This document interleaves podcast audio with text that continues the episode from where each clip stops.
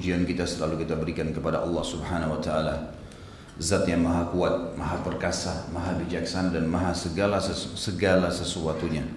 Ia mampu mengerjakan apa saja yang dia inginkan dan ia juga bisa memusnahkan siapa pun yang dia inginkan. Dia zat yang tidak beranak dan tidak diperanakan dan memang zat yang paling layak ditunduki, dipatuhi serta juga dicintai dan ia telah menggantungkan segala nikmat yang dia berikan kepada kita dengan kalimat mulia Alhamdulillah maka sangat wajar sebagai orang yang beriman kalau kita mengucapkan kalimat ini yang kedua kita panjatkan salam hormat kita kepada manusia terbaik, manusia pilihan, pimpinan para nabi dan rasul Nabi Muhammad sallallahu alaihi wasallam sebagaimana Allah dan malaikatnya telah memberikan salam kepada beliau. Seperti biasa teman-teman sekalian, dengan taufik dari Allah Subhanahu wa taala kita akan selalu coba rutinkan sebulan sekali untuk membedah serial sahabat. Dan alhamdulillah kita sudah selesai membahas 11 orang sahabat yang mulia ridwanullahi alaihim dari 10 orang yang dijamin masuk surga. Abu Bakar As-Siddiq, Umar bin Khattab, Uthman bin Affan, Ali bin Abi Thalib, kemudian Talha bin Ubaidillah, Zubair bin Awam, Abdurrahman bin Auf, Sa'ad bin Sa'id bin Zaid, Abu Ubaidah bin Jarrah dan juga kita sudah bahas yang ke-11 Suhaib Rumi pada pertemuan yang lalu dan pada sore ini. Semoga Allah berkahi. Kita akan bahas sahabat yang ke-12 Salim Maula Abi Hudzaifah. Tentu saya dalam metode membahas biografi para tokoh-tokoh mulia generasi emas umat Islam ini saya mengikuti urutan buku Semestinya sebagaimana saya sampaikan waktu kita membahas Suhaib Rumi radhiyallahu anhu di pertemuan kita yang ke-11 ada di antara sahabat-sahabat yang memiliki fadilah melebihi beliau. Seperti misalnya Hamzah bin Abdul Muttalib paman Nabi SAW kemudian ada Mus'ab bin Umair yang akan kita bahas pada pertemuan akan datang yang ke-13 insyaAllah ada Bilal bin Rabah ada Salman al-Farisi ada Abu Darda. Banyak sahabat-sahabat Nabi yang lain yang memang memiliki kedudukan mungkin secara fadilah kata para ulama lebih baik daripada Suhaib. Tetapi urutan buku yang sedang kita bedah yang teman-teman bisa dapatkan di depan sama panitia memang seperti itu. Maka bukan berarti kita meletakkan Suhaib Rumi bahasan ke-11 dan Salim Maula Abi Hudzaifah yang ke-12 Ridwanullahi alaihim berarti mereka lebih afdal daripada sahabat yang lainnya. Kalau 10 orang ini yang masuk surga secara mutlak. Memang itu disepakati oleh jumhur ulama. Tetapi bahasan 11 sampai ke 100 sahabat insya Allah. Maka semua itu ya, adalah sesuai dengan urutan buku yang sedang kita bedah. Dan insya Allah saya lagi programkan, mohon doanya teman-teman sekalian, mudah-mudahan tulisan saya terbit sendiri tentang tokoh-tokoh sahabat ini. Hari ini kita bahas Salim Maula Abi Hudzaifah. Selain daripada urutan tadi yang saya jelaskan, metode yang saya gunakan juga, saya selalu memulai dengan durus wal ibar. Pelajaran dan ibrah yang bisa diambil dari para tokoh yang akan kita bahas. Kebanyakan buku-buku yang ditulis oleh para ulama kita menulis durus wal ibar ini pelajaran dan juga ibrah yang bisa diambil di akhir penutupan bahasan tetapi saya pribadi menggunakan metode yang saya gunakan dan ini tidak menyelisihi metode ilmiah dalam penulisan sebagaimana disepakati oleh para ulama dalam masalah ini. Bebas-bebas saja, yang penting memang tujuan ilmiahnya tercapai. Salim Maula Abi Hudzaifah radhiyallahu anhu akan kita mulai bahas dengan beberapa durus dulu. Pelajaran-pelajaran yang kita harus ambil dari beliau radhiyallahu anhu. Yang pertama, ada hukum maula lil abdi ma'a sayyidihi. Yang artinya hukum tentang wala. Hukum kemaulaan yang merupakan hubungan langsung antara seorang hamba sahaya dengan tuannya dengan tuannya. Saya sudah panjang lebar sebenarnya menjelaskan pada pertemuan yang lalu teman-teman sekalian karena Suhaib Rumi sama kedudukannya dengan Abi Hudzaifah radhiyallahu anhum ajma'in karena dua-duanya budak hamba sahaya. Pada pertemuan yang lalu sudah panjang lebar saya jelaskan tentang budak ini. Ada keterbudakan dalam Islam, ada perbudakan dalam Islam. dan sumber utamanya adalah peperangan.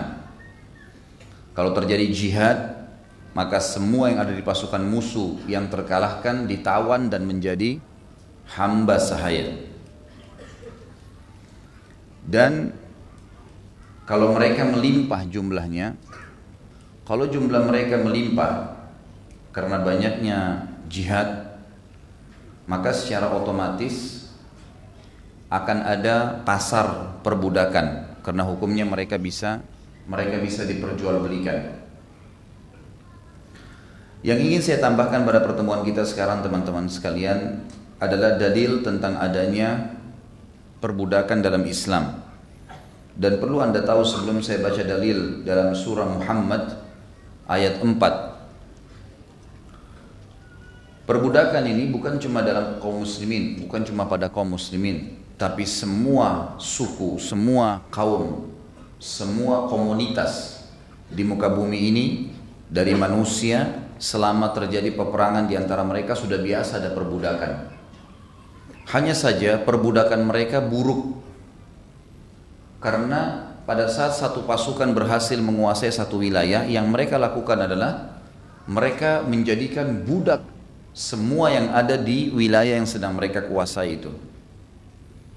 Dan pada saat mereka lakukan budak atau mereka menjadikan budak, maka mereka berbuat semaunya sendiri. Memukul, membunuh, memerkosa, ya, menindas, bahkan tidak jarang di antara mereka yang memotong anggota tubuh budaknya. Seperti ada bahasan saya di kitab Imam Az-Zahabi, dosa-dosa besar hukum haramnya mengebiri hamba sahaya. Ada di antara mereka karena dia punya hamba sahaya laki-laki, dia khawatir nanti mengganggu istrinya, situan ini maka dia mengebiri hamba sahayanya. Haram dalam agama Islam. Cukuplah sabda Nabi Shallallahu Alaihi Wasallam, siapa yang mengebiri hamba sahayanya, maka kami akan mengebirinya. Orang-orang sebelum kaum muslimin memperlakukan budak dengan sangat buruk, sangat buruk. Seperti kaum wanita setelah mereka gauli, mereka pukul. Kalaupun dipelihara, maka tidak dipedulikan lagi tentang masalah kesehatannya, masalah kebersihannya, tempat tinggalnya, makanannya, semuanya kacau balau. Bagi mereka melampiaskan syahwat selesai, dibuanglah budak wanita tersebut, kalau dia tidak rasa butuh ditebas lehernya dibunuh. Itu udah biasa. Dalam rentetan sejarah peperangan dunia sudah begitu. Bahkan terakhir waktu Amerika masuk ke Irak tersebar banyak sekali cuplikan-cuplikan bagaimana mereka memperbudak kaum muslimin. Di antara pasukan-pasukan mereka banyak yang homoseksual dan menghomoi pasukan muslim yang ada di Irak. Mereka menindas dan mereka melakukan itu. Berapa banyak mereka mencambuknya, mereka menguliti kulitnya, menyiksa, menyiksa. Kita lihat sekarang, teman-teman sekalian, bagaimana Islam mengatur semua itu dengan kemuliaan. Saya akan mulai dengan dalil surah Muhammad ayat 4. Bunyinya a'udzubillahi minasyaitonirrajim.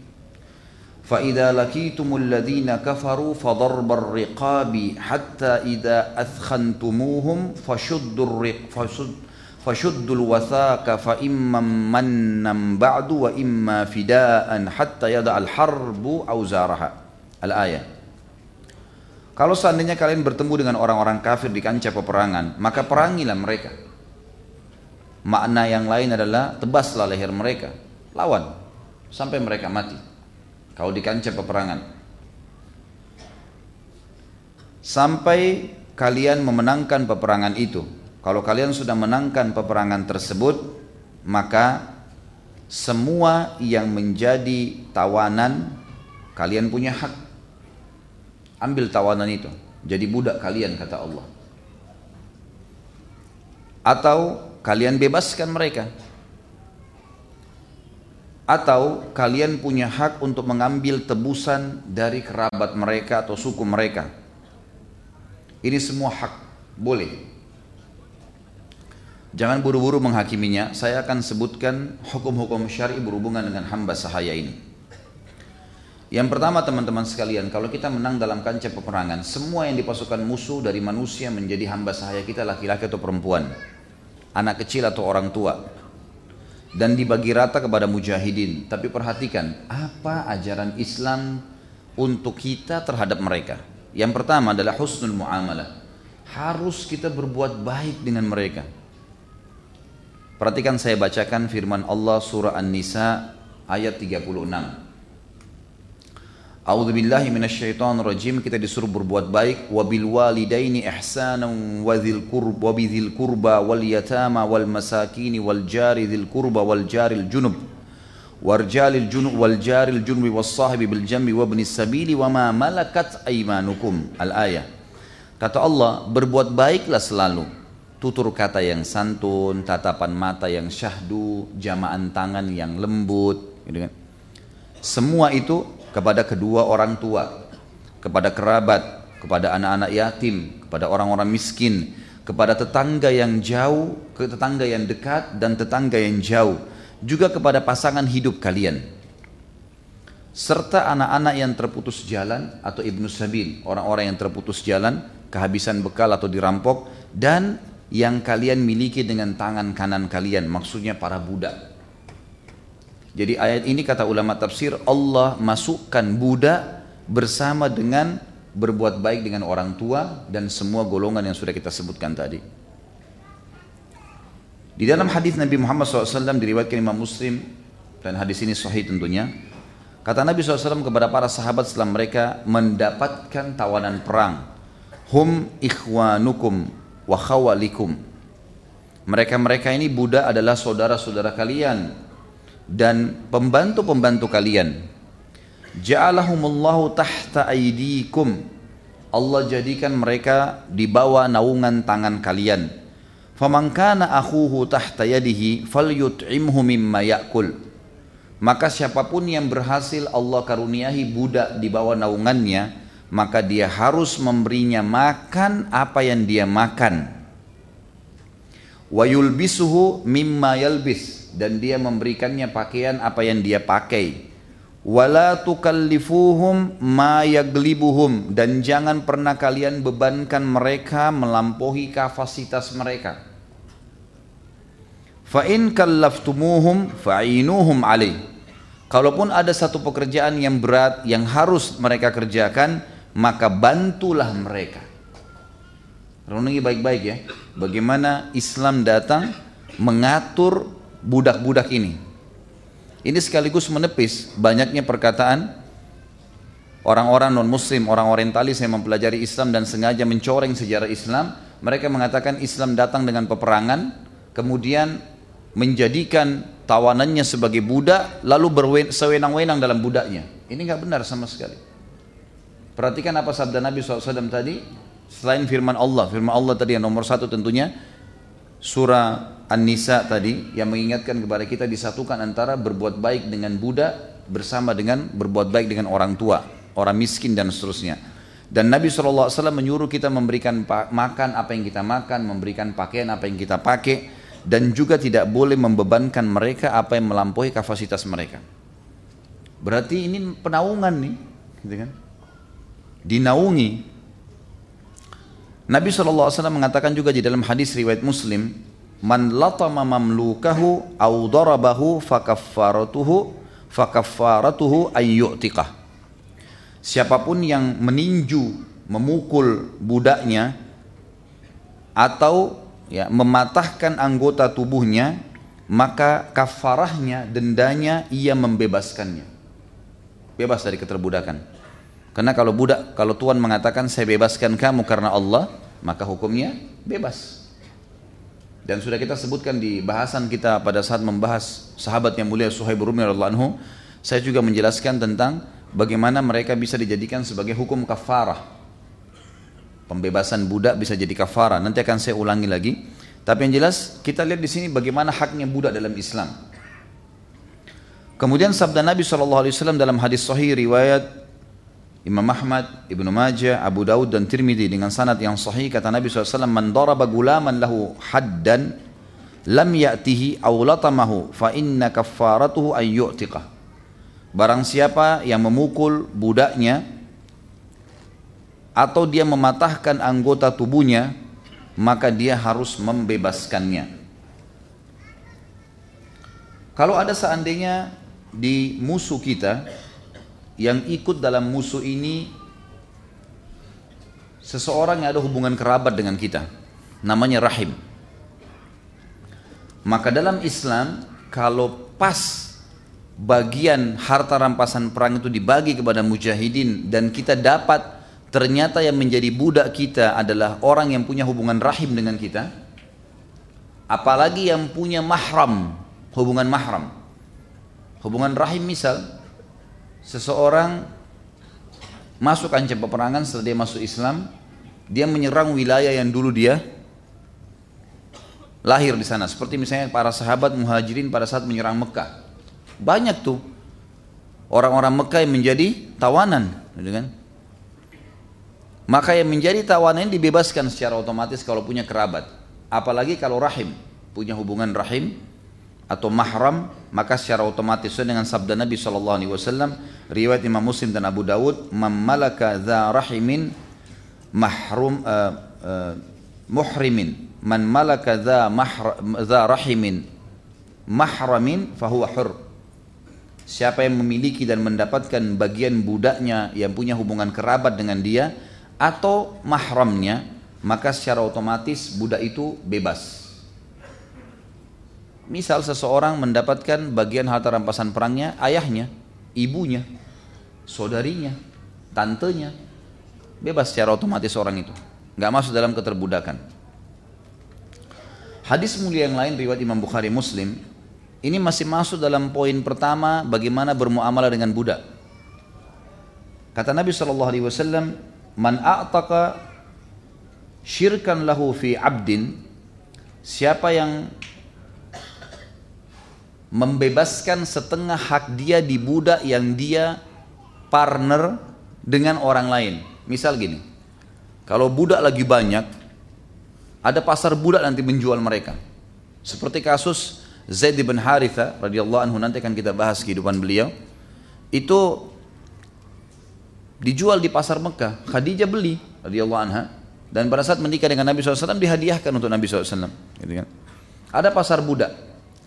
Nah, budak yang dijual di pasar, misal seorang budak ini contoh saja harganya 10 juta rupiah.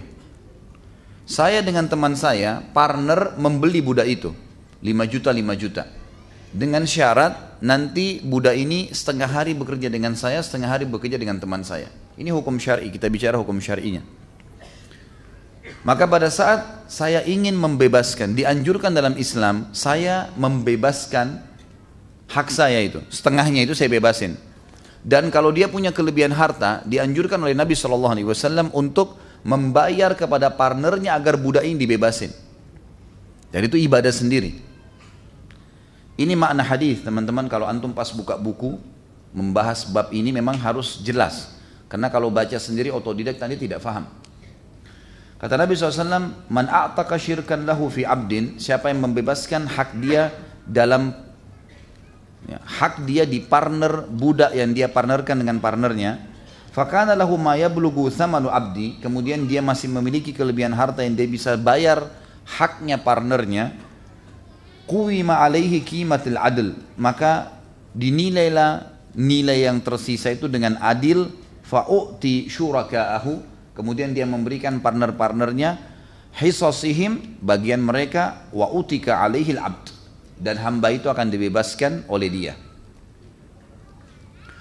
kalau seseorang teman-teman sekalian membebaskan budak membebaskan budak dengan dia mengatakan saya bebaskan kamu karena Allah maka nanti ada hukum maula namanya Hukum maula ini akan ada di bahasan Salim radhiyallahu anhu. Makanya kita panjang lebar jelaskan ini supaya nanti kalau saya jelaskan Salim bukan cuma sekedar sahabat ridwanullah tapi ada hukum-hukum syar'i berhubungan dengan itu. Kalau saya bilang sama budak yang saya beli atau saya dapatkan di benang perang, saya bebaskan kamu karena Allah, maka ada hukum maula. Misal namanya dia A. Nama saya Khalid lalu dikatakan si A maulanya Khalid. Karena memang saya bebasin dan maula ini berarti ada hukum warisan di antara mereka. Kalau sampai misalnya budak itu meninggal, maka saya memiliki hak waris. Karena hukum dalam syariat kita, maula ini pembebasan budak yang didapatkan ya, dari tuannya itu dengan cara tuannya lillahi taala membebaskan itu hukumnya seperti hukum nasab. Ada hak waris di antara mereka. Yang kedua teman-teman selain bermuamalah dengan baik adalah Allah subhanahu wa ta'ala menjadikan mereka sebagai kafara dan juga ibadah pada saat membebaskan mereka serta Allah subhanahu wa ta'ala memotivasi kaum muslimin untuk mengeluarkan zakat harta mereka untuk membebasin budak. Kita lihat misalnya fadilah membebasin budak. Jadi kalau kita sudah punya budak bebasin itu pahala dianjurkan. Surah Al-Balad ayat 60. Maaf.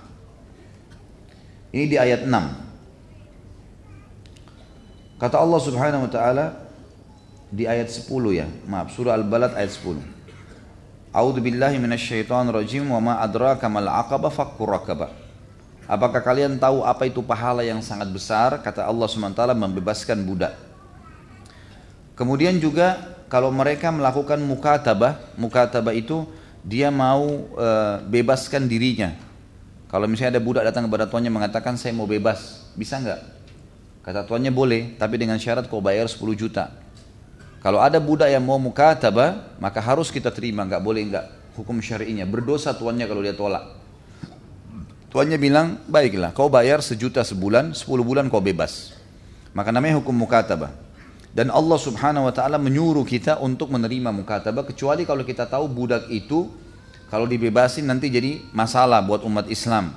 Maka itu baru tidak boleh. Dalam surah An-Nur ayat 33 Allah Subhanahu wa taala berfirman masalah itu. A'udzu billahi minasyaitonir rajim al-kitaba mimma malakat aymanukum fakatibuhum in alimtum fihim khaira wa atuhum mimma lillahi alladzi atakum. Al-ayah. Dan orang-orang yang dari budak kalian yang mengajukan kitabah. Kitabah itu adalah tadi memohon agar mencicil membebaskan dirinya maka terimalah penawaran itu kalau kalian mengetahui kebagian, kebagikan dari mereka dan berikanlah dari harta Allah yang telah diberikan kepada kalian kepada mereka untuk mereka. Jadi kita selain membebaskan mereka dengan cara itu, paling besar pahalanya kalau kita bilang bebas kamu. Tapi kalau dia mukataba, dia ajukan dengan mau cicil, maka juga boleh. Dan kita dianjurkan pada saat Allah berikan kita kelebihan rezeki, maka kita bebasin sekalian atau kita malah membantu dia dengan uang. Kalau masalah dalil Allah Subhanahu wa taala menjadikan mereka sebagai atau memotivasi kaum muslimin untuk mengeluarkan zakat mal membebasin budak itu disebutkan dalam surah At-Taubah ayat 60 tentang golongan orang-orang yang menerima zakat delapan golongan. A'udzubillahi minasyaitonirrajim innamas sadaqatu lil fuqara'i wal masakini wal 'amilina 'alaiha wal mu'allafati qulubuhum wa fir riqabi wal gharimina wa fi sabilillahi wa bidis sabil faridatan minallah wallahu alimun hakim. Sesungguhnya sedekah itu zakat mal kalian kalian keluarkan yang pertama untuk para fakir. Fakir adalah orang-orang yang tidak tahu dia mau makan apa hari ini apalagi besok. Dan yang kedua orang-orang miskin. Miskin adalah yang sudah tahu dia mau makan apa hari ini tapi pas-pasan atau kadang-kadang masih utang. Masuk dalam sini adalah maaf profesi seorang pegawai, supir kah, pembantu rumah tangga kah, staf di kantor kah, atau pegawai umumnya yang memang mereka terima gaji tapi pas-pasan bahkan mungkin kadang-kadang kurang masih utang sama teman-temannya masuk dalam golongan miskin yang bisa menerima zakat. Dan ini tidak usah tersinggung ikhwas sekalian dengan istilah ini karena ini bukan berarti menghinakan. Tetapi ini memang hukum syar'inya. Yang ketiga dan amil zakatnya mereka boleh mengeluarkan tapi ulama menentukan mengatakan maksimal seperdelapan dari harta zakat yang terkumpul. Misal badan amil zakat atau lembaga-lembaga sosial yang cukup banyak sekarang yang mengelola zakat, mereka boleh mengambil untuk gaji pegawainya maksimal seperdelapan dari dana zakat itu. Dan muallaf. Muallaf ini adalah orang-orang yang masuk Islam tetapi hatinya masih bisa pindah agama walaupun sudah 10 tahun dia masuk Islam tapi belum pernah dididik namanya muallaf. Kalau ada orang yang masuk Islam tapi dasarnya sudah tahu Islam sebelumnya, sudah pelajari, kemudian mereka masuk Islam tidak dikatakan lagi muallaf. Jadi definisinya adalah orang yang belum tahu Islam. Kemudian yang selanjutnya adalah pembebasan budak. Yang kelima, pembebasan budak. Orang fakir, miskin, amil zakat, muallaf dan yang kelima pembebasan budak. Kemudian orang terlilit utang yang keenam dan jihad di jalan Allah yang ketujuh serta ibnu sabil yang kedelapan sebagai ketentuan dari Allah dan Allah maha mengetahui juga maha bijaksana. Nabi SAW memotivasi kita untuk bebasin budak teman-teman sekalian dan digantungkan pahala yang sangat besar. Bahkan dengan bebasin budak kita bisa masuk ke dalam surga dan selamat dari api neraka. Kita dengarkan hadis Bukhari Muslim. Kata Nabi SAW, Man a'taqa rakabah mu'minah Siapa yang membebaskan budak yang sudah beriman. Karena biasanya ada budak-budak yang memang itu yang terjadi di zaman Nabi SAW. Para sahabat mendakwahi budak-budak mereka. Akhirnya diajarkan Islam mereka menjadi ulama besar. Seperti kita tahu misalnya ada Atta bin Abi Rabah di Mekah. Ulamanya Mekah dan ulamanya tabi'in adalah budak. Mantan budak. Hasan Basri mantan budak. Gitu kan. Banyak sekali di antara ulama tabi'in yang dasarnya awalnya mereka adalah budak. Kemudian mereka dididik oleh tuannya. Kata Nabi SAW, siapa yang membebaskan budak yang sudah beriman, A'taqallahu likulli irbin minha irban minhu. Maka Allah akan bebaskan dia dari api neraka di setiap potongan tubuhnya, ya, potongan budak itu dengan potongan tubuhnya dia. Minan nar dari api neraka. Hatta innahu, hatta innahu yada bil yad Sampai-sampai Allah akan jadikan tangannya budak yang dibebasin itu akan menjadi pembebasan tangannya si tuan dari api neraka. Warrijla birrijil dan kaki dengan kaki wal farja bil farj bahkan kemaluan dengan kemaluan. Jadi ini jelas sekali motivasinya bagaimana kita disuruh bebasin budak, ya, bebasin budak. Kemudian juga sabda Nabi saw, man aana ghariman. Ini hadis mulia Hadis sahih riwayat Ahmad dan Hakim. Siapa yang menolong orang yang terlilit hutang? Ini teman-teman fadilahnya besar sekali nih. Dengarkan baik-baik. Ada teman-teman kita terlilit hutang lalu kita tolong mereka. Augazian atau menolong seorang prajurit perang, mujahid. Au mukatiban fi kitabatihi atau seorang budak yang mau bebaskan dirinya dari keterbudakan dengan mukatib tadi. Adallahu Allahu yawma la illa dhillu. Allah akan naungi dia di mana hari tidak ada naungan kecuali naungannya. Selama ini kan kita tahu cuma tujuh golongan ya yang dinaungi oleh Allah Subhanahu wa taala seperti disebutkan dalam hadis Bukhari Muslim, tapi ini ada tambahan. Ternyata ada golongan yang lain yang juga dinaungi oleh Allah di bawah naungan di mahsyar tidak ada naungan kecuali naungannya yaitu orang yang menolong orang yang terlilit utang dilunasi utangnya, mujahid yang mau berperang dibiayai dan juga orang yang membebaskan membantu membebaskan budak. Kemudian Nabi SAW mengatakan tentang orang yang membebaskan budak dalam hadis Bukhari Muslim innamal wala liman a'taq. Kewalaan itu akan diberikan kepada orang yang membebaskan. Juga kata beliau dalam hadis yang terakhir dalam poin ini adalah laula laula luhmatu kalah eh, al wala maaf al wala luhmatun kalam eh, kalahmatin nasab la yuba wala yuhab riwayat Hakim Wala itu kalau ada orang mengatakan saya bebaskan kamu kepada budaknya, maka itu hukumnya sama dengan nasab. Ada hubungan nasab, ada warisan di antara mereka. Maka tidak akan boleh dijual dan tidak boleh lagi dihadiahkan. Seperti Bilal misalnya, itu dibeli oleh Abu Bakar, gitu kan? Maka Abu Bakar, Bilal adalah maula Abu Bakar, dikatakan begitu. Maka setelah dibebaskan tidak boleh lagi ada penjualan, tidak boleh lagi dijual budak tersebut. Ini yang pertama teman-teman sekalian tentang masalah hukum maula atau kebudakan ataupun hukum maula dalam Islam pada saat seseorang membebaskan budaknya.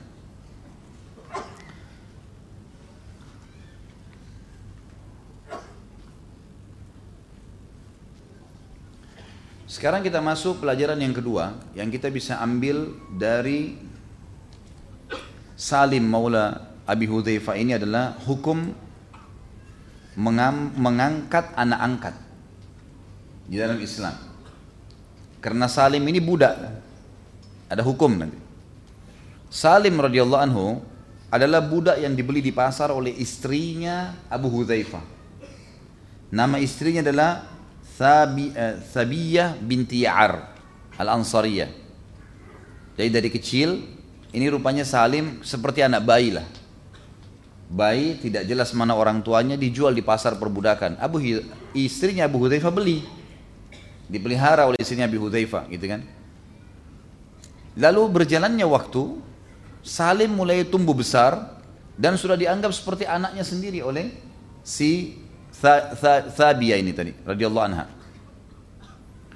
Pada saat itu Abi Hudzaifah pun akhirnya mengubah status dia budak menjadi anak angkat. Bolehkah hukumnya? Maka kita akan bicara tentang hukum mengangkat anak angkat. Kita perlu teman-teman tahu bahwasanya dalam Islam boleh mengangkat anak angkat. Siapa pun dia, punya hubungan kerabat atau tidak. Seperti misalnya Nabi SAW mengangkat Zaid bin Haritha, mantan budaknya beliau yang beliau jadikan sebagai anak angkat. Sampai-sampai, dan itu kasusnya adalah pada saat Zaid bin Haritha ini didatangi oleh ayahnya, ayahnya lalu meminta Nabi SAW untuk membebaskannya dan mau siap membayar. Lalu kata Nabi SAW, suruh aja pilih Zaid. Kalau Zaid pilih anda, maka silahkan saya bebasin tanpa tebusan. Tapi kalau dia pilih saya, maka anda harus berbesar hati melepaskannya. Lalu Haritha menanyakan kepada Zaid, wahai Zaid, Muhammad sangat bijaksana. Dia suruh pilih, kamu milih dia atau milih saya? Kalau kau pilih saya, kau akan bebas kembali menjadi turunan saya dan menjadi penerus saya sebagai kepala suku. Maka Zaid radhiyallahu anhu mengatakan, saya tidak mungkin mendahulukan Muhammad dari siapa pun, termasuk anda, ayahnya sendiri. Setelah itu, Nabi SAW sangat gembira dan mengubah namanya Zaid menjadi Zaid ibn Muhammad. Diubah nama ayahnya Haritha sampai turun firman Allah Subhanahu wa taala dalam surah Al-Ahzab ayat 40. Yang bunyinya ini teman-teman kalau ada kesempatan catat dicatat ya. Sayang dalil-dalilnya ini. Bunyinya a'udzubillahi minasyaitonir rajim ma kana Muhammadun aba ahadin min rijalikum walakin Rasulullah wa khataman nabiyyin wa kana Allah bikulli syai'in alima. Sampai turun firman Allah Muhammad bukanlah ayah seseorang di antara kalian sallallahu alaihi wasallam. Tetapi beliau adalah utusan Allah dan penutup para nabi dan Allah mengetahui segala sesuatunya. Barulah diubah kembali namanya Zaid bin Haritha menjadi Zaid eh, Zaid bin Muhammad mengubah menjadi Zaid bin Haritha. Juga Abi Hudzaifah dalam kasus yang lain mengangkat Salim sebagai anak angkatnya. Terus saja dikatakan Salim bin Abi Hudzaifah sampai turun firman Allah Subhanahu wa taala di dalam surah Al-Ahzab ayat 50. Maaf, surah Al-Ahzab ayat 5. A'udzu billahi minasyaitonir rajim. Ud'uuhum liabaihim huwa aqsatu indallah. Fa in lam ta'lamu aba'ahum fa ikhwanukum fid dini wa mawalikum. 'alaikum junahum fima akhta'tum bihi walakin ma ta'ammadat qulubukum wa kana Allahu ghafurar rahima. Panggillah budak-budak kalian itu, anak-anak angkat kalian itu. Ya, jadi ada budak, ada anak angkat. Kalau budak mau dia anak angkat kan juga boleh, gitu kan? Masing-masing punya hukum. Panggillah anak-anak angkat kalian itu atau budak-budak kalian dengan nama ayah-ayah mereka. Seperti misalnya Zaid tadi yang dia merupakan anak angkat Nabi SAW dikembalikan ke nama ayahnya Zaid bin Haritha. Tapi disebut maula Nabi Muhammad SAW. Itu lebih adil di sisi Allah. Kalau kalian tidak tahu ayah-ayah mereka, tidak jelas mana ayahnya, maka berarti mereka adalah saudara kalian seagama. Kalian bisa mengatakan ini saudara kami seagama atau kalian mengatakan maulah saya. Jadi ternyata hukum maulah ini terjadi dua, pembebasan budak tadi yang kita di awal bahasannya poin pertama, kalau saya bebasin budak maka dia berarti punya hukum maulah dengan saya atau yang lain adalah kalau kita mengangkat anak angkat dan anak angkat ini tidak jelas siapa ayahnya, siapa ibunya, nggak tahu mana orang tuanya, maka kita bisa mengatakan jangan dikatakan misalnya Ahmad bin Muhammad. Tidak boleh. Dicari nama. Kalau tidak ada maka dikatakan Ahmad Maula Muhammad. Kalau tidak jelas orang tuanya ya. kata Allah swt kalau kalian tidak tahu ayah-ayah mereka fa in lam ta'lamu aba'ahum fa ikhwanukum. Maka katakanlah saudara kami fid din dalam agama. Wa mawalikum atau maula-maula kalian dan Allah tidak akan menghukum kalian dengan apa yang kalian keliru tetapi Allah akan menghukum apa yang kalian sengaja tanamkan dalam hati kalian. Sungguhnya Allah maha pengampun lagi maha penyayang. Ini hukum pertama berhubungan dengan mengangkat anak angkat. Jadi boleh dalam Islam. Dari darinya jelas. Ya. Berhubungan dengan hukum ini juga perlu diketahui kalau dia anak perempuan maka bukan mahram kepada si laki-laki yang mengangkatnya sebagai anak angkat kalau sudah balik. Begitu pula kalau anak laki-laki bukan mahram bagi si perempuan yang mengangkatnya sebagai anak angkat. kecuali dalam satu keadaan dia sempat disusui. Kalau anak angkat itu sempat disusuin, maka berarti boleh menjadi mahram. Kalau tidak, maka tidak. Jadi kalau sudah balik, hukumnya hukum orang asing, tapi boleh tinggal serumah selama memang tidak berdua. Seperti misalnya saya sama istri saya, misal mengangkat anak angkat. Kemudian anak angkat ini teman-teman sekalian, tumbuh besar misalnya di rumah saya seorang perempuan Selama dia belum balik, masih tidak ada masalah kumpul. Tapi kalau sudah balik, hukumnya hukum orang asing. Tapi boleh tinggal serumah karena balas jasa yang bisa diberikan kepada orang yang telah mengangkatnya sebagai anak angkat. Kecuali dia sudah sempat disusui. Nanti akan kita jelaskan di poin ketiga tentang hukum menyusui dalam Islam. Saudara susuan. Selanjutnya, yang ketiga hukum tentang masalah anak angkat ini adalah boleh menikahi mantan pasangan anak angkat. Misal, saya punya anak angkat, kemudian anak angkat ini menikah, laki-laki misalnya. Dia menikah dengan seorang wanita, ternyata dia cerai dengan istrinya. Hukum syar'i, hukum syar'i. Boleh nggak saya nikah dengan mantan istrinya anak angkat saya? Boleh. Gitu. Seorang wanita mengangkat anak angkat perempuan, mungkin dia masih muda, mungkin dia masih 15 tahun, 16 tahun, dia ambil anak bayi, anak angkat. Berjalan waktu, ternyata si perempuan yang mengambil anak angkat ini mungkin belum menikah atau misalnya menikah tapi suaminya mati atau cerai, gitu kan. Anak angkat yang dia angkat tadi si perempuan ini sudah gadis, misalnya umur 15 tahun, itu menikah. Habis itu cerai dengan suaminya. Bolehkah mantan suami anak angkat si ibu tadi nikah dengan si ibu itu? Boleh dalam Islam. Ini hukum syar'i sendiri.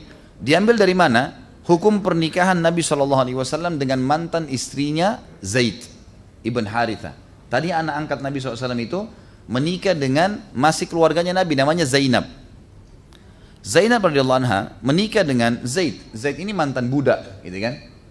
Waktu Zainab datang kepada Nabi SAW mengatakan, Ya Rasulullah, saya mau nikah. Siapa yang anda prioritaskan? Siapa yang anda tunjuk? Kata Nabi SAW, Zaid ibn Haritha. Ini Zaid nikahi. Zainab sempat berat karena kenapa? Zainab ini orang terkenal di sukunya dan dia tahu Zaid ini budak. Di zaman jahiliyah mustahil, gitu. Nggak mungkin ada mantan budak nikah sama orang bebas itu nggak mungkin. Di zaman jahiliyah, kalau di Islam tidak ada masalah, tidak ada masalah sama sekali, gitu kan? Tapi begitulah hukumnya. Cuman ini kena perintah Nabi SAW sama Zainab diterima, menikahlah mereka. Berjalan waktu, ternyata Zainab ini secara kejiwaan suka tertekan Selalu dia merasa dihantui terus dengan perasaan, ini Z ini budak gitu. Ada perasaan itu. Dia mengeluh dengan Nabi SAW, ya Rasulullah, perasaan saya sama Z ini gak ganjal. Walaupun saya sudah menikah, saya tetap merasa gak nyaman gitu dan sulit menghormati dia sebagai suami.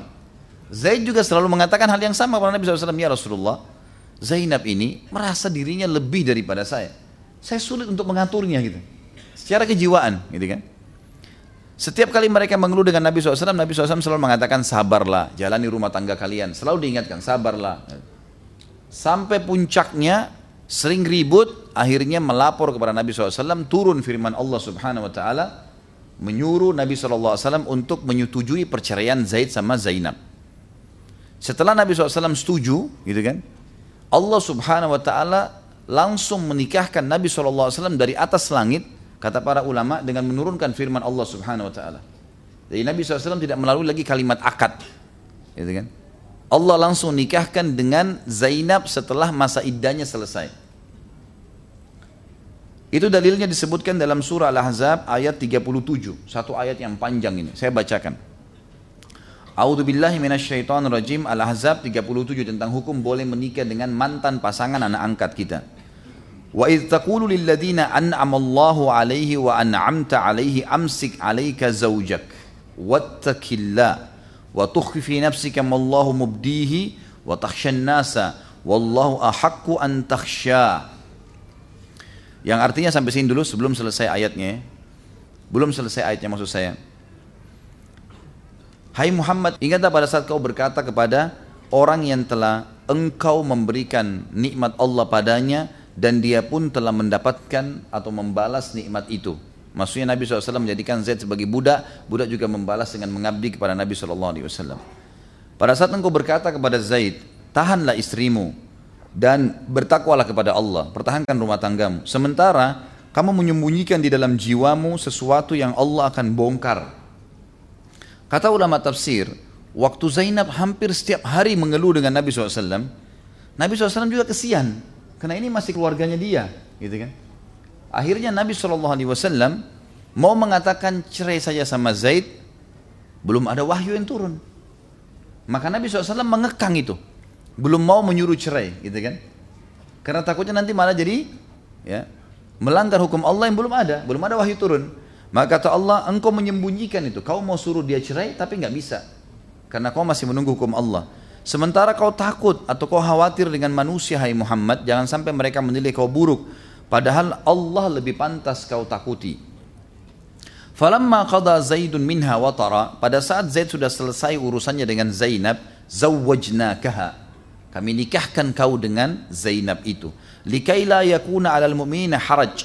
Agar tidak ada bagi setiap orang-orang beriman ya sesuatu penghalang fi azwaji ad'iyaihim untuk menikah dengan pasangan-pasangan anak-anak angkat mereka idza qadaw minhunna wa tara pada saat mereka sudah menyelesaikan urusan dengan mantan pasangannya itu sampai masa iddah selesai wa kana amrullahi maf'ula dan pastilah sesuatu yang berhubungan dengan urusan Allah terjadi. Ya. Ini poin yang ketiga yang berhubungan dengan masalah hukum yang kita bisa ambil dari kehidupan salim. Ya, saya ulangi, hukum masalah maula keterbudakan. Ya, yang kedua, kita bahas masalah hukum mengambil anak angkat di dalam Islam. Kemudian kita masuk teman-teman sekalian hukum masalah menyusui dalam Islam. Ini semua berhubungan dengan Salim radhiyallahu anhu ya. Hukum menyusui dalam Islam ini teman-teman sekalian ada dalam Islam dan dibolehkan. Kalau misal seorang muslimah dia hamil melahirkan tidak ada susunya. Dia mau susuin anaknya nggak ada. Bagaimana caranya? Dia boleh menggunakan jasa susunya wanita lain. Tetapi ulama ya, menekankan agar memilih wanita-wanita yang baik. Bagaimana kalau orang kafir? Tidak ada larangan masalah itu. Karena Nabi kita Muhammad SAW disusui oleh Halimah Sa'diyah. Halimah itu dalam keadaan kafir. Dan Allah Subhanahu wa taala menjelaskan kepada kita tentang bolehnya menggunakan jasa susunya wanita lain. Jadi bisa kalau orang seperti sekarang kita donor ASI ya. Hanya saja nanti kita akan jelaskan ada hukum-hukum syar'inya ya. Sebelumnya saya bacakan dalilnya dulu tentang bolehnya dalam surah At-Talaq ayat 6. Surah At-Talaq ayat 6. A'udzu billahi minasyaitonir rajim askinuhunna min haitsu sakantum min wujdikum wa la tudarruhunna litudayyiqu 'alaihin. Tempat tinggalkanlah para istri kalian di tempat yang kalian mampu untuk memberikan tempat tinggal dan jangan kalian menyusahkan mereka. Wa in kunna ulatu hamlin fa'amfiku alaihin hatta yada'na hamlahun. Kalau seandainya mereka hamil, maka biayailah ya, biaya hamil tersebut sampai mereka melahirkan. Baik dalam kondisi dia jadi istri ataupun dia sudah diceraikan. Karena kalau wanita diceraikan sementara hamil, sah cerainya. Tetapi iddahnya sampai dia selesai melahirkan dan selama masa iddah itu dia si suami harus membiayai. Kecuali kalau si perempuan zina lalu anak tersebut bukan anak si laki-laki, maka boleh dia ceraikan dan tidak ada nafkah di sini. Tapi kalau anak dia kemudian cekcok lalu dia ceraikan istri yang sedang hamil boleh terjadi tapi iddahnya sampai selesai melahirkan dan Allah suruh memberikan nafkah. Fa in arda'na lakum fa'atuhunna ujurahun. Lalu kalau perempuan tadi mantan istri itu yang sudah diceraikan, sudah selesai masa melahirkan dan mana iddah berarti sudah selesai dan mereka menyusui anak-anak kalian, maka berikanlah upahnya berikan makanan, minuman, uang. Ya. Wa'tamiru bainakum bima'ruf. Walaupun kalian sudah cerai, maka bicarakanlah di antara kalian dengan cara baik-baik. Wa in ta'asartum fasaturdi'u lahu ukhra. Ini saksi bahasan kita depan ayat. Kalau kalian kesulitan mencari wanita atau asi ibunya nggak ada, maka kalian boleh mencari wanita lain yang menyusui anak itu. Menyusui anak itu. Baik. Ini tentu teman-teman sekalian hukum yang berhubungan dengan bolehnya mengambil susu dari wanita lain. Cuma ada hukum-hukum di sini. Yang pertama teman-teman sekalian, orang yang ingin mendonorkan asinya harus jelas siapa dia karena ada hukum mahram. Misal dia mengatakan eh, atau seorang wanita mengatakan pada temannya sini saya susuin anakmu. Maka harus dia tahu temannya ini namanya siapa. Mungkin saja teman mungkin dia baru tahu tapi dia tidak tahu tinggal di mana misalnya. Harus jelas siapa dia. Karena kalau sampai si bayi kenyang berarti hukum mahram berlaku. Misal seorang wanita menyusui anak laki-laki, jadi mahramnya dia, gitu kan? Kalau dia susui anak perempuan, jadi mahram suaminya.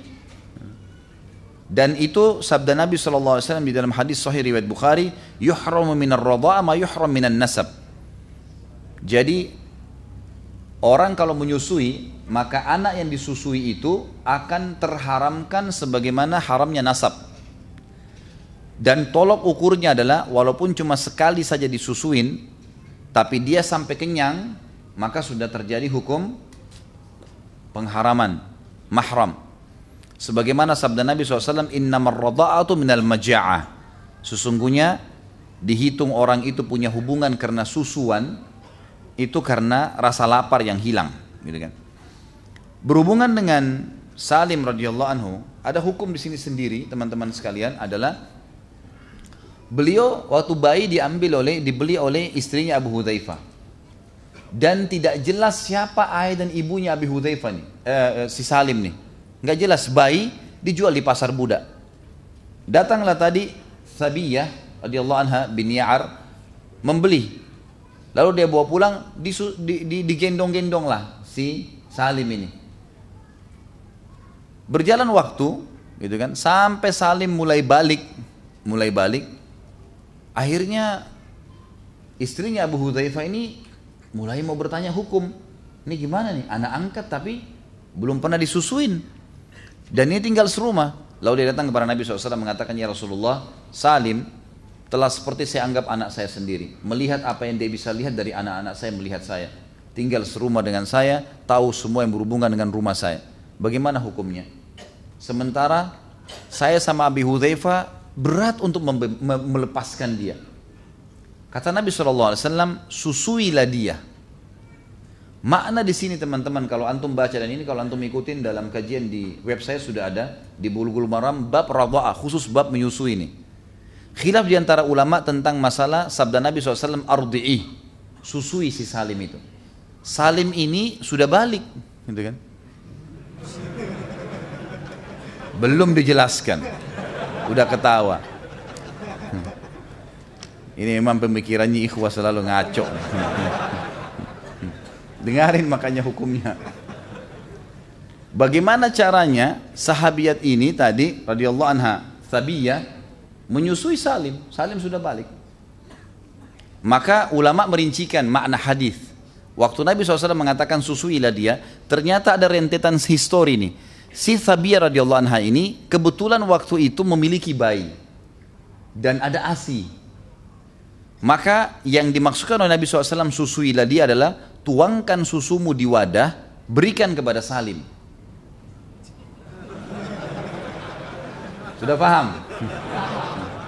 Bukan nyusui dari sumbernya ya.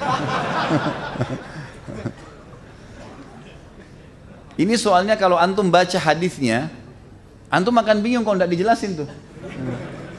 Kok Salim sudah balik disusui sama ibu angkatnya? Ini gimana? Apa seperti anak bayi kan tidak mungkin. Maka diletakkan di wadah lalu Salim disuruh minum sampai Salim kenyang gitu. Ini untuk saya jelaskan bulu-bulu maram ada seorang ibu tanya, Ustadz tolok ukurnya kenyang bagaimana? Dia kan sudah dewasa.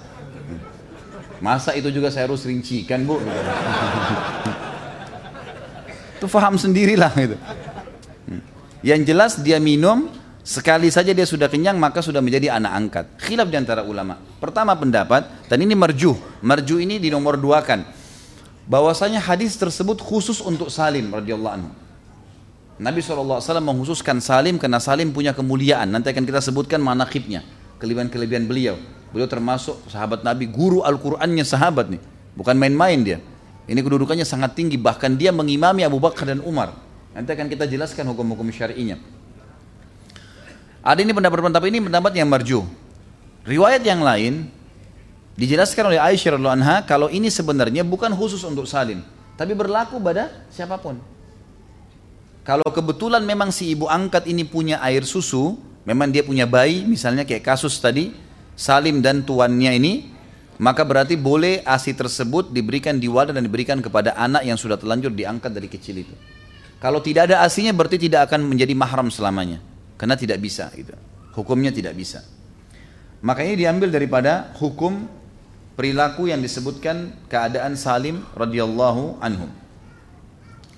Baik teman-teman sekalian, itulah yang saya ingin sampaikan berhubungan dengan masalah durus wal ibar, pelajaran dan juga ibrah yang kita bisa ambil. Sekarang kita masuk ke bahasan tokoh kita radhiyallahu anhu ini.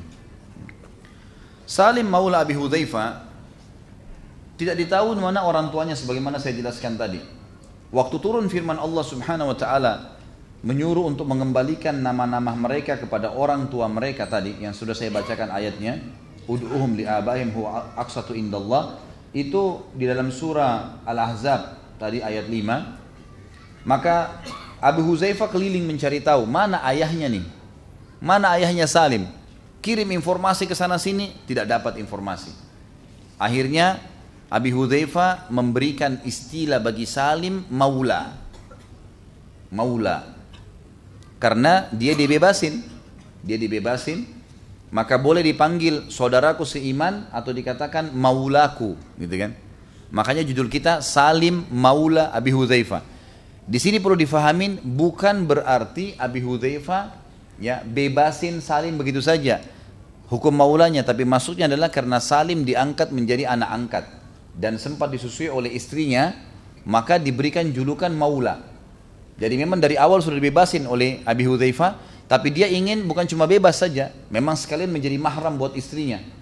Maka keluarlah julukan maula terlebih lagi karena orang tua Salim tidak diketahui di mana radhiyallahu anhu ajmain.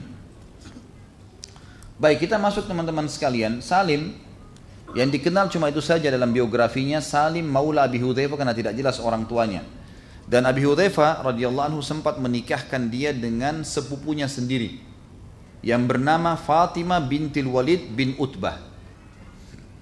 Walid bin Utbah ini salah satu tokoh Quraisy yang menjadi korban di perang Badar. Ini berarti tokohnya orang-orang Quraisy. Sa, uh, Abi Hudzaifah ingin menghilangkan keyakinan setelah Islam kalau tidak boleh budak nikah sama orang bebas. Maka dia nikahkan dengan sepupunya sendiri yang bernama Fatimah binti Walid bin Utbah dan ini tidak ada, saya tidak temukan sama sekali ada buku yang menjelaskan kalau Salim memiliki anak. Allahu alam kalau antum temukan maka mungkin bisa dijadikan sebagai rujukan. Tapi yang jelas saya tidak menemukan itu. Saya pribadi tidak menemukan nama daripada uh, anak Salim radhiyallahu anhu. Fadilah yang pertama atau mangkap atau makmas, manakib ya. Kelebihan si Salim adalah beliau termasuk as-sabiqun al-awwalun minal muhajirin. Beliau termasuk orang yang awal-awal masuk Islam dari muhajir dan ini orang yang paling afdal dalam Islam, gitu kan. Enggak ada yang bisa mengalahkan as-sabiqun al-awwalun minal muhajirin.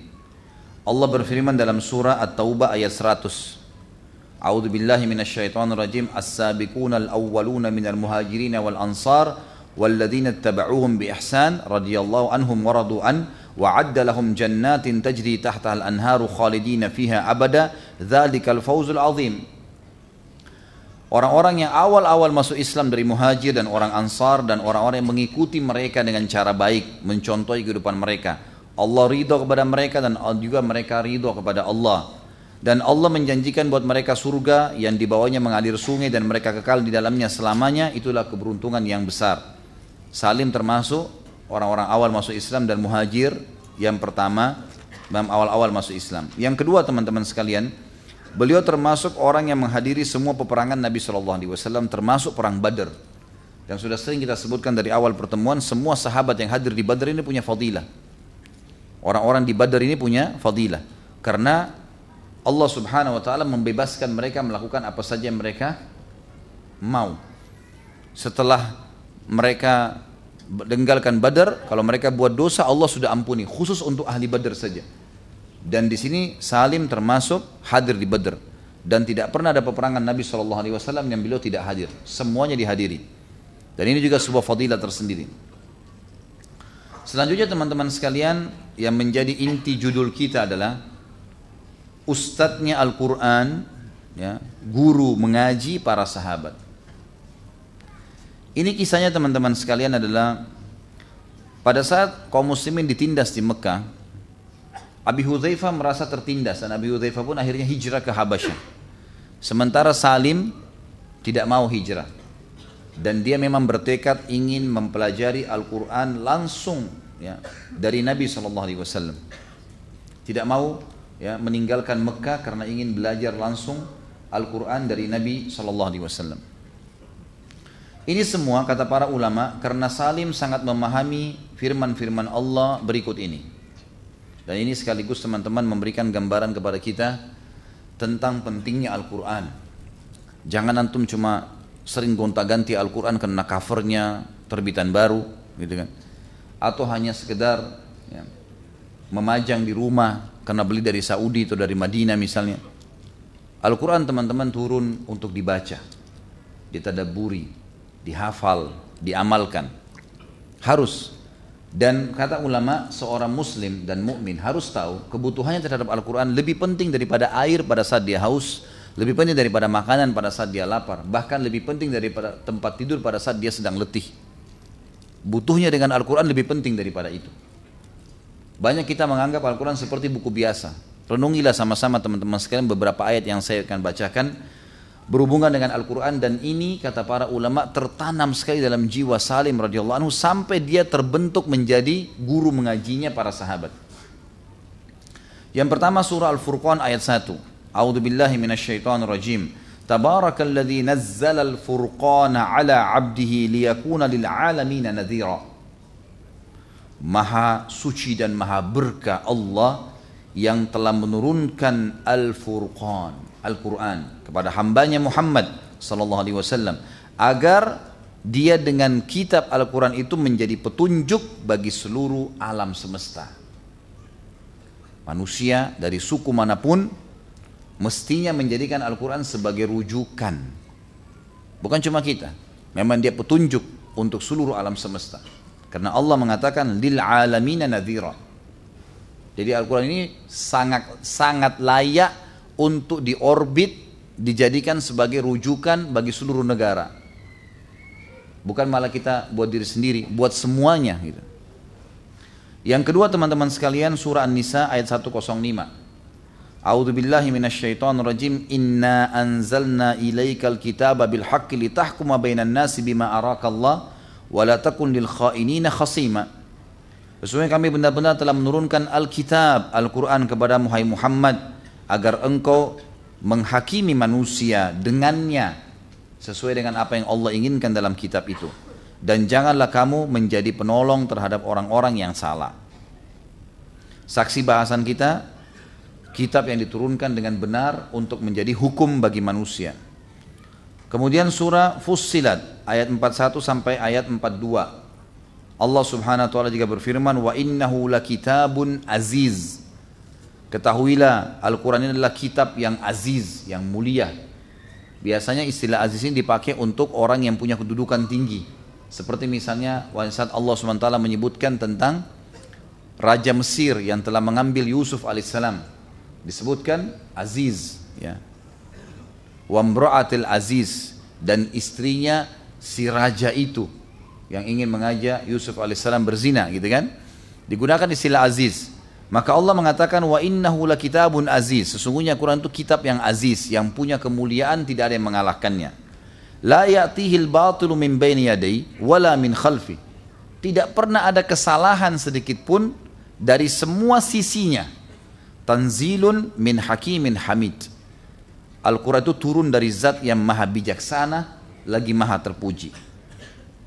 Surah Al-Hijr ayat 9. A'udzu billahi minasyaitonir rajim. Inna nahnu nazzalna dzikra wa inna lahu lahafizun. Kami benar-benar menurunkan az-dzikra, Al-Qur'an. Az-dzikra artinya pemberi peringatan dan kami pasti menjaganya. Dalam surah Al-Isra ayat 88 Allah menantang semuanya jin dan manusia. Coba bukan cuma orang-orang pintar, ilmuwan, semua jin, semua manusia. Semuanya. Jadi tidak perlu, tidak perlu ragu untuk datang menjelaskan kepada seorang ilmuwan, bahkan orang makin tinggi ilmu dunianya, makin mudah memahami Al-Quran, makin mudah menerimanya. Karena keajaiban yang luar biasa. Dalamnya ada ilmu sejarah, ada ilmu alam, gitu kan. Ada hukum-hukum, hukum pidana, ada segala, ada peradaban, ada arsitektur, dan tidak pernah ketinggalan zaman. Makin digali, maka makin terungkap hal-hal yang baru. Allah mengatakan, A'udzubillahi minasyaitonirrajim Al-Isra 88, "Qul la in ijtama'atil insu wal jinnu ala ya'tu bimithli hadzal qur'ani la ya'tuna bimithlihi walau kan walau kana ba'duhum li ba'din dhahira." Katakanlah hai Muhammad kepada mereka semua tantang tu jin dan manusia. Kalau kalian semua wahai jin dan manusia bersatu untuk mendatangkan seperti Quran ini, maka kalian tidak akan pernah bisa mendatangkan yang sama dengan itu walaupun kalian satu sama yang lain saling bantu dan saling melihat.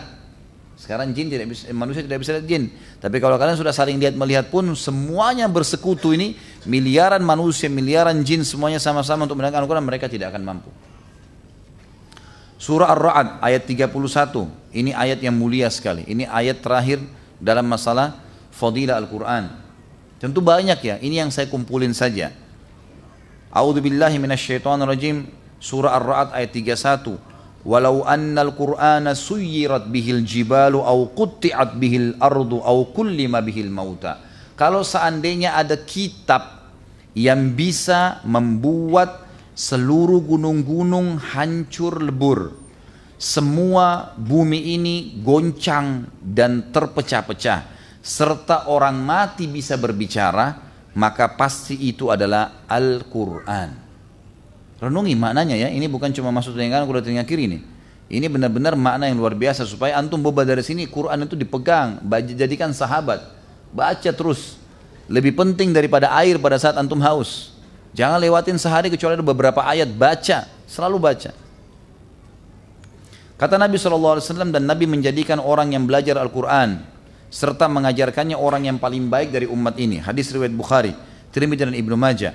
Kata beliau sallallahu alaihi wasallam, "Khairukum man ta'allama al-Qur'ana wa 'allama." Orang yang paling baik, yang paling sempurna di antara kalian adalah orang yang belajar Al-Qur'an, bacaannya, maknanya, ya, kemudian hafalannya dan mengamalkannya. Kemudian mereka mengajarkannya. Dan dalam hadis riwayat Muslim kata Nabi SAW, la hasada illa fitnatain. Tidak boleh orang hasud kecuali dalam tiga, dalam dua orang. Enggak boleh kita cemburu kecuali pada dua orang ini. Rajulun atahu Allahul Qur'ana fa yatlu ana al-laili wa ana an-nahar. Yang boleh kita cemburuin tuh bukan orang yang punya mobil Mercy, punya rumah mewah di Menteng sana, bukan. Atau orang punya kulit yang putih, gagah atau cantik, bukan itu. Tapi seseorang fisiknya bagaimanapun yang Allah karuniai kepadanya Al-Qur'an. Lalu dia sibuk. Di sini kata ulama ulama hadis dia diberi Al-Quran bisa saja bacaannya saja, cuma bisa baca belum hafal. Atau dia sempurnakan bacaan dan hafalan. Atau dia sempurnakan semuanya, bacaan, hafalan dan amalan. Tiga-tiganya bisa masuk. Seseorang yang Allah karuniai Quran lalu dia membacanya setiap malam dan setiap siang. Itu terus saja kita cemburu dengan orang ini. Warajulun atahu Allahu eh, malan fahuyunfiku ana al-laili wa ana an-nahar. Dan yang kedua adalah seseorang yang Allah karuniai kepadanya ya harta yang dia habiskan di jalan Allah pada siang dan juga di malam hari. Jadi teman-teman sekalian, Al-Quran ini harusnya dipelajari. Dan karena Salim radhiyallahu anhu mempelajarinya, kita lihat yang pegang buku silahkan dilihat ada di halaman 62. Di situ dikatakan kedudukan tinggi yang sampai mencapai bintang Orion, maksudnya adalah orang yang sudah sampai pada tingkat yang luar biasa. Salim waktu saudaranya Abi Hudzaifah hijrah ke Habasyah dia tidak mau karena dia ingin duduk belajar langsung dari Nabi SAW Al-Quran. Terus setiap hari dia cuma tahu dengar Al-Quran hafal, dengar Al-Quran hafal sampai Allah karunia dia suara yang sangat indah. Pada saat bacaannya, bukti kalau bacaan Salim itu sangat luar biasa, sampai-sampai waktu mereka hijrah di Madinah atau ke Madinah, Nabi SAW menyuruh para sahabat membangun Masjid Kuba. Dan pada saat Nabi SAW membangun Masjid Kuba, dua tiga hari beliau tinggal sana, beliau jadi imam. Pada saat beliau masuk ke Madinah untuk membangun masjid beliau, Sallallahu Alaihi Wasallam, itu Salim yang jadi imam. Dan nanti akan saya jelaskan poin terakhir kita nanti adalah masalah kedudukan keimaman dalam Islam. dan bagaimana pentingnya orang yang hafal Quran dan orang yang jadi imam dalam Islam. Itu luar biasa kedudukannya, sangat tinggi. Dan itu lebih penting daripada seorang raja, seorang pedagang, segala-galanya dikalahkan dengan imam. Kalau kita kan sekarang malah terbalik, kita anggap imam masjid itu oh imam, udah biasa, seperti tidak ada kedudukannya gitu. Muadzin, oh itu muadzin. Sampai saya subhanallah bicara sama seorang pengusaha kemarin waktu umrah, saya bilang kita ini harus buat program sekarang. Berapa banyak muadzin kita dan imam kita, subhanallah dari sisi pakaian sangat sederhana. Rumahnya sudah mau rubuh, makan apa adanya. Padahal mereka ini yang tiap hari mengumandangkan azan memanggil kita sholat. Mereka lah yang tiap hari memimpin kita sholat mereka lah juga yang tiap hari ya, sibuk mengurus rumah Allah subhanahu wa ta'ala. Malah kita perhitungan dengan mereka ini salah ini. Ya. Sampai dia bilang benar ya Ustaz, saya bilang ya benar, mestinya begitu. Salim karena dia menjadi ya, orang yang hafal Al-Quran, maka disuruh oleh Nabi SAW untuk menjadi imam di Kuba. Sementara waktu itu ada di belakangnya Abu Bakar dan Umar radhiyallahu anhu Dan ini mungkin bagi kita tidak tidak terlalu tidak menyentuh Artinya kok bisa sih atau mungkin biasa saja, tapi bagi sahabat berbeda. Karena di dalam di dalam syariat kita teman-teman sekalian, yang jadi imam di masjid itu harus orang yang paling alim. Makanya Nabi SAW seumur hidup beliau selalu jadi imam. Kecuali darurat kalau beliau sakit baru diganti. Kalau enggak enggak pernah. Waktu Abu Bakar jadi khalifah, Abu Bakar jadi imam sampai beliau meninggal. Kecuali sakit atau beliau sedang keluar berperang. Begitu juga Umar bin Khattab, begitu juga Utsman bin Affan, begitu juga Ali bin Abi Thalib jadi imam. Dan imam ini tolok ukur orang itu dianggap sebagai seorang pemimpin. Begitulah dalam Islam. Cuma sayangnya sekarang kita membeda-bedakan nih. Kita anggap imam itu sebenarnya beda sekali dengan seorang alim ulama. Maka tidak harus dia seorang alim atau tidak harus dia seorang pemimpin negara. Baik, dikatakan oleh Ibnu Umar, manakala muhajirin angkatan pertama tiba di di, di Usbah, ya, sebuah tempat di Kuba, sebelum Nabi SAW datang yang menjadi imam bagi mereka adalah Salim Maula Abi Hudzaifah Dialah orang yang paling banyak hafalannya di antara kami. Bagi teman-teman yang baca di sini buku kalau beli bukunya, maka ada di footnote diceritakan panjang lebar. Ada sedikit yang dibahas oleh para ulama tentang perkataan dalam hadis bahwasanya Abi Hudzaifah menjadi imam di Kuba termasuk Abu Bakar menjadi makmum di belakangnya. Pertanyaannya bagaimana bisa? Sementara Abu Bakar itu sendiri radhiyallahu anhu berhijrah bersama Nabi SAW. Dan di sini disebutkan dari riwayat Ibnu Umar kalau Salim jadi imam di Kuba sebelum Nabi SAW hijrah. Maka iskal permasalahan ini dijawab oleh para ulama hadis dengan cara bahwasanya Salim jadi imam sebelum ya. Yang dimaksud di sini bukan sebelum Nabi SAW hijrah. Karena Kuba belum dibangun, gitu kan? Tapi di sini setelah Nabi SAW hijrah dibangunlah Kuba, Nabi jadi imam selama 2-3 hari pada saat Kuba dibangun. Waktu Nabi SAW menuju ke Madinah, maka Abu Bakar sama Umar bersama dengan beberapa sahabat muhajirin yang lain masih tinggal di Kuba dan yang menjadi imam ditunjuk oleh Nabi Salim. Sementara ada Abu Bakar dan Umar dan ini kedudukan tersendiri di mata sahabat karena nggak mungkin ditunjuk jadi imam kecuali memang orang yang paling menguasai bacaan. Nanti kan kita sebutkan syarat-syaratnya. Teman-teman sekalian, di dalam Islam dan ini termasuk fadilah yang lain yang kita bahas. Ini kurang lebih ada tujuh poin tadi ya permasalahan yang saya bahas berhubungan dengan masalah hukum budak tadi kita sudah jelaskan panjang lebar hukum uh, uh, apa anak angkat hukum menyusui Ya, kemudian juga uh, kita sudah panjang lebar menjelaskan tentang masalah pentingnya Al-Quran ya, dan juga kita membahas tentang uh, pentingnya imamah. Kita dengarkan Nabi SAW mengatakan apa tentang masalah imam ini. Dan berhubungan dengan Hudzaifah, maaf, Salim Maula Abi Hudzaifah, beliau berkata, dari hadis bisa dilihat di halaman 63 bagi teman-teman yang pegang bukunya lah. Hadis ini dilihat di footnote nomor 3 diriwayatkan Imam Bukhari nomor 3806, Imam Muslim 2464 dan Tirmidzi 3810. Dari Abu Abdullah bin Amr radhiyallahu ya, anhuma ia berkata aku mendengar Rasulullah SAW bersabda istakriul Qur'ana min arba'ah. Kalian semua hai sahabat-sahabatku kata Nabi SAW ambil Al-Quran dari empat orang Min Ibnu Mas'udin dari Abdullah bin Mas'ud nanti ada bahasan tentang beliau. Wasalim Maula Abi Hudzaifah. Lalu disebutkan yang kedua Salim Maula Abi Hudzaifah. Wa Ubay ibn Ka'ab dan Ubay ibn Ka'ab wa Muadz bin Jabal dan Muadz bin Jabal. Saksi bahasan sini Nabi SAW menyuruh semua sahabat belajar dari empat orang ini dan salah satunya adalah Salim Maula Abi Hudzaifah. Disebutkan dalam riwayat yang lain, disebutkan oleh Imam Ibnu Majah dalam e, nomor 1338 dan rawi-rawinya semua thiqat, dan bagi teman-teman yang pegang buku bisa lihat sampai di bawah ada juga riwayat Al-Hakim dalam kitab Mustadrak dengan sanad yang sahih. Aisyah berkata radhiyallahu anha, di zaman Nabi SAW pada suatu malam pada Isya aku terlambat pulang ke rumah. Habis sholat Isya, Aisyah ternyata sempat ke masjid, gitu kan? Mau ingin sholat Isya, sholat dari masjid Nabi SAW, lalu waktu pulang dia telat. Nabi SAW lebih dulu pulang, gitu kan? Di zaman Nabi SAW pada suatu malam pada Isya aku terlambat pulang. Ketika aku pulang, Nabi SAW bertanya, dari mana engkau? Maka aku menjawab, aku menyimak bacaan seorang laki-laki dari sahabatmu. Tadi waktu lagi di masjid nih, di sab perempuan, aku dengar ada ayat Al-Quran lagi dibaca, suaranya bagus sekali, merdu, luar biasa. Maka aku duduk mendengarkan dulu ayat itu. Karena bagusnya suaranya sampai aku dengarkan, kata Aisyah. Dan ini menandakan boleh mendengar suara laki-laki. Orang mengaji, suaranya bagus, tidak ada masalah, gitu kan. Kalau emang niatnya untuk itu ya. Maka Aisyah berkata, eh, aku mendengar suara dari salah satu seorang sahabatmu. Aku tidak mendengarkan bacaan dan suara seperti orang itu. Maka Aisyah berkata, Nabi SAW tiba-tiba berdiri dan mengikuti dan aku mengikutinya menuju ke masjid. Ingin lihat siapa yang mengaji itu. Akhirnya pada saat beliau mendengarkan suara orang yang mengaji tadi, beliau mengatakan kalimat yang mulia.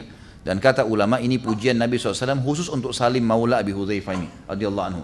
Hada Salimun Maula Abi Hudzaifah. Alhamdulillahilladzi ja'ala fi ummati mithla hada.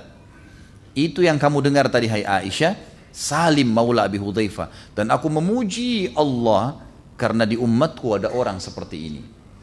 Makna ini dalam bahasa Arab kalimatnya punya bobot ya. Kalau beliau mengatakan Alhamdulillah di um, yang menjadikan di umatku ada orang seperti ini. Maknanya di umatku sedikit sekali orang yang seperti ini. Makna lainnya Itu tidak ada, jarang orang seperti ini. Bacaannya bagus, hafalannya juga bagus Sampai semua sahabat disuruh ambil atau belajar dari beliau radhiyallahu anhu Ini berhubungan dengan masalah Fadilah Salim yang merupakan ya, beliau guru mengajinya para sahabat ya. Saya akan sebutkan teman-teman sekalian pentingnya masalah menjadi imam dalam Islam. Pertama hadis riwayat Muslim. Kata Nabi Wasallam, ya ummul kauma akra akra'uhum li kitabillah. Yang harus menjadi imam di satu kaum adalah orang yang paling menguasai bacaan Al-Quran. Dan itulah sebabnya kenapa Nabi SAW mengizinkan Salim menjadi imam di Kuba. Berarti dia memang guru mengajinya para sahabat. Walaupun kata ulama hadis tadi disebutkan dalam riwayat kalau Salim eh, selain Salim ada Ibnu Mas'ud, ada Ubay bin Ka'ab, ada Muadz bin Jabar radhiyallahu anhu Tapi yang Nabi SAW tunjuk jadi imam nyata di lapangan adalah Salim Maula Abi Hudzaifah. Maka berarti jelas ini ada predikat akra'uhum, orang yang paling pintar bacaannya. Kemudian juga dalam hadis yang lain kata Nabi SAW ya ummul kauma akra'uhum li kitabillah. Orang yang jadi imam di antara kalian harus orang yang paling benar bacaannya dan paling bagus dalam kitab Allah. Fa in kanu fil qiraati sawa, kalau seandainya mereka sama saja kalau dalam bacaan, hafalannya sama misal sama-sama 30 juz, suaranya juga sama-sama bagus, gitu kan? Siapa yang didorong menjadi imam? Kata Nabi SAW, fa'alamhum bis sunnah. Harusnya orang yang lebih faham di antara keduanya dari sunnah. Sunnah Nabi SAW. Fa in kanu fi sunnati sawa fa aqdamuhum hijrah. Kalau mereka sama juga ilmunya dalam sunnah selain bacaan dan hafalan Qur'annya, maka dicari siapa yang lebih dahulu hijrah. Fa in kanu fil hijrati sawa, kalau mereka sama juga dalam hijrah, fa aqdamuhum silman, maka dicari siapa yang lebih dulu masuk Islam.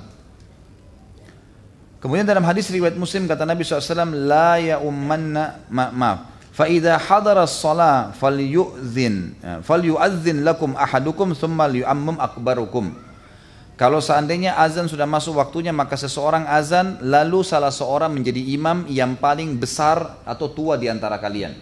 Kata ulama kesimpulannya adalah untuk menjadi imam syarat pertama harus orang yang paling benar bacaan tajwidnya hafalannya paling banyak suaranya paling bagus. Kemudian kalau sama, maka yang kedua harus orang yang lebih faham sunnah. Berarti di sini bukan cuma sekedar imam, karena bisa baca. Seperti kita di Indonesia itu banyak sekali, gitu kan? Bahkan saya masuk beberapa masjid itu bacaannya Allahu alam. Itu dari Al-Quran atau dari kitab Taurat yang diambil itu. Lah iya, tidak jelas bacaannya hurufnya dari mana ini, gitu kan? Kadang-kadang dengan suara kecil, kacau balau semua gitu kan. Diganti shin jadi sod gitu kan. Ada yang pernah baca idza zulzilatil ardu zilzalaha itu kan artinya idza zal sampai kami dulu waktu di Madinah tuh kalau mau disuruh sebutkan huruf oleh guru kami itu disuruh lihat mulutnya lihat mulut saya ini lidah ke atas zal zal ya. idza zulzila beda antara zal dengan zai Idza zulzilatil ardu zilzala. Sewaktu bumi kami bergon kami goncangkan dengan kuat pada hari kiamat. Coba apa yang dibaca oleh sebagian imam? Isa sulsilatil ardu zilzala. Tahu nggak apa artinya itu? Kalau zai diganti dengan sin, itu artinya bersambung-sambung. Sulsila atau silsila. Biasa orang Arab membahasakan rantai atau dipakai kalung namanya silsila. Itu diganti. Coba bayangin, pada saat bumi bersambung-sambung hari kiamat. Kan berubah makna tuh. Saya waktu kembali di Indonesia teman-teman sekalian bukan muji diri, astagfirullah, tidak sama sekali. Jangan salah faham dengan ini. Sering kali teman-teman ini juga sering salah faham. Sedikit kita ngomong kemarin saya jelaskan masalah mimpi Rasulullah jadi ribut. Seakan-akan ini siapa ini gitu. Padahal sebenarnya hukum syar'inya begitu gitu kan. Tapi salah paham. Saya balik untuk tahun 98 dari Madinah, selesai S1 waktu itu. Saya sudah niat tidak usah ceramah deh saya pikir sudah banyak ustadz, banyak kiai di Indonesia. Subhanallah saya daftar melamar ngajar di salah satu lembaga bahasa Arab dari Imarat Arab waktu itu Mahat Albir di Makassar. Kemudian saya ngajar. Waktu saya ngajar di situ, kami sholat di masjid kampus. Ya. Ada sebuah kampus saya nggak usah sebutin namanya. Kemudian pas Jumat, Jumat pertama tuh saya tiba di Indonesia. Waktu itu saya masuk dengar khutbah, naiklah seorang kiai haji fulan. Kiai haji ini dan titelnya nggak tahu berapa banyak sudah, gitu kan. Begitu khutbah, subhanallah, ayat ini dibaca salah. Hadis ini disampaikan palsu. gitu kan? Suaranya kecil, matanya lihat buku, gitu. Coba. Bagaimana ini? Saya lihat orang di sana tidur, orang di sini tidur, gitu kan. Yang di belakang lagi ngobrol, ada yang ketuk-ketuk celengan supaya cepat selesai. Yang terjadi, saya datang ke pura masjid, Pak, bisa nggak saya kalau misalnya ada khatibnya gaib ini nomor telepon saya saya tinggal dekat sini kok. Kebetulan dekat rumah orang tua saya saya tinggal jalan kaki. Baiklah subhanallah dengan hikmah Allah Jumat depan khatibnya nggak uh, bisa hadir. Lalu saya khutbah saya sampaikan tentang fadilah Al-Quran. Tentang bagaimana semestinya orang harus belajar Al-Quran. Dan bagaimana bahayanya kalau kalimat huruf hijaiyah salah. Alhamdu Alhamdulillahi Rabbil Alamin al-ha hamdu, gitu kan? Hanya itu segala puji. Alhamdulillah segala puji. Kalau orang bilang alhamdulillah bisa diganti ha menjadi ha, gitu kan? Seperti kalimat ihdina, itu ada penekanan tidak ada beda ha, gitu kan? Diganti banyak imam gitu, karena mau fasih ceritanya gitu kan? Alhamdulillah. Gitu. Kalau hamada pakai ha artinya segala puji bagi Allah. Kalau hamada artinya kematian. Bayangin. Kalau kita bilang alhamdulillah segala puji bagi Allah. Kalau kita bilang alhamdulillah kematian buat Allah. Bayangkan maknanya bahaya. Alhamdulillah Rabbil Alamin. Ain. Kalau nggak bisa fase sekali nggak apa-apa lah. Minimal ada bedanya. Jangan dipukul rata semua. Karena alamin, alam semesta pakai ain.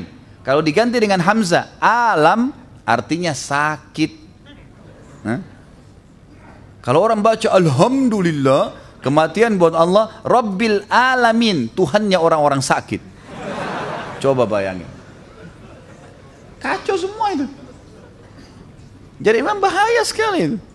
Maka bukan aib teman-teman. Ada orang, maaf saya bahasakan saya temukan ikhwah gitu, masya Allah jenggotnya sudah terjaga, sudah nggak isbal, akhwatnya pakai jilbab. Begitu dengar Al-Quran, kacau balau semua nih. Jangan akhi. Imam Syafi'i rahimahullah pernah bertemu dengan beberapa ulama-ulama Mesir waktu itu. Setingkat, beliau anggap setingkat dengan beliau. Lagi sibuk bawa kitab-kitab tulisan manuskrip mereka, gitu kan. Sampai tebal. Dalam riwayatnya dikatakan Imam Syafi'i melihat mereka mengangkat dengan beratnya buku-buku fikih mereka. Lalu Imam Syafi'i Allah memegang satu mushaf Al-Quran. Lalu beliau mengatakan kepada orang-orang itu, sungguh demi Allah, kitab-kitab kalian itu menyibukkan kalian dari yang ini. Ini lebih penting daripada itu sebenarnya. Lebih penting membaca Al-Quran daripada membaca kitab yang lain. Padahal Imam Syafi'i hafal Quran teman-teman sekalian. Waktu saya jelaskan Utsman bin Affan radhiyallahu anhu, Utsman bin Affan punya Quran yang beliau susun gitu kan dengan kulit dari kulit kulit unta dibaca oleh Utsman radhiyallahu anhu. Padahal hafal Quran. Utsman bin Affan dalam riwayat yang saya pernah sebutkan di antara riwayat yang masyhur beliau bisa menghatam Al-Quran dalam salat witirnya.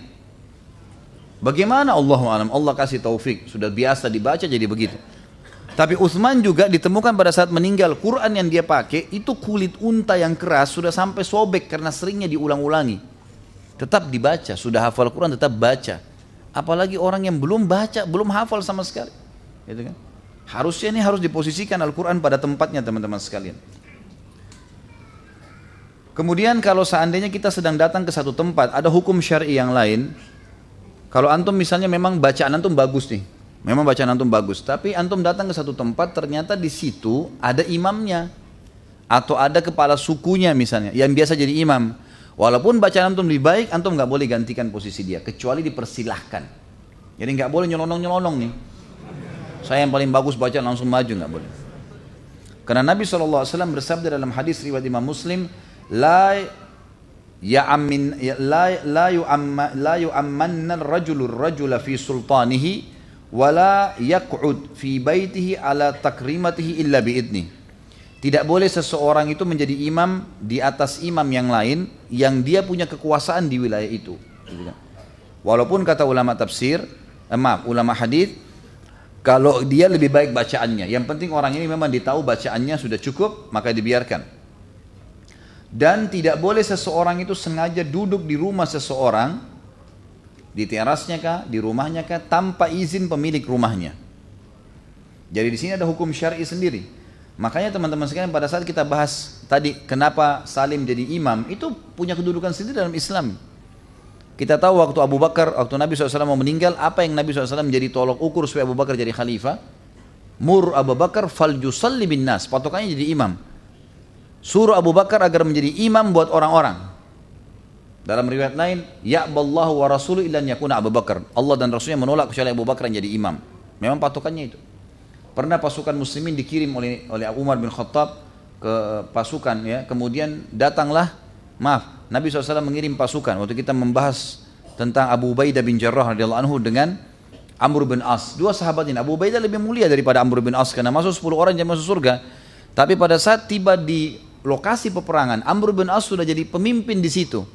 Abu Ubaidah baru datang bergabung memperkuat pasukan. Maka Abu Ubaidah mengalah jadi imam di belakangnya Amr bin As. Padahal bacaan dia lebih bagus. Karena itu sudah wilayah kekuasaan, gitu kan?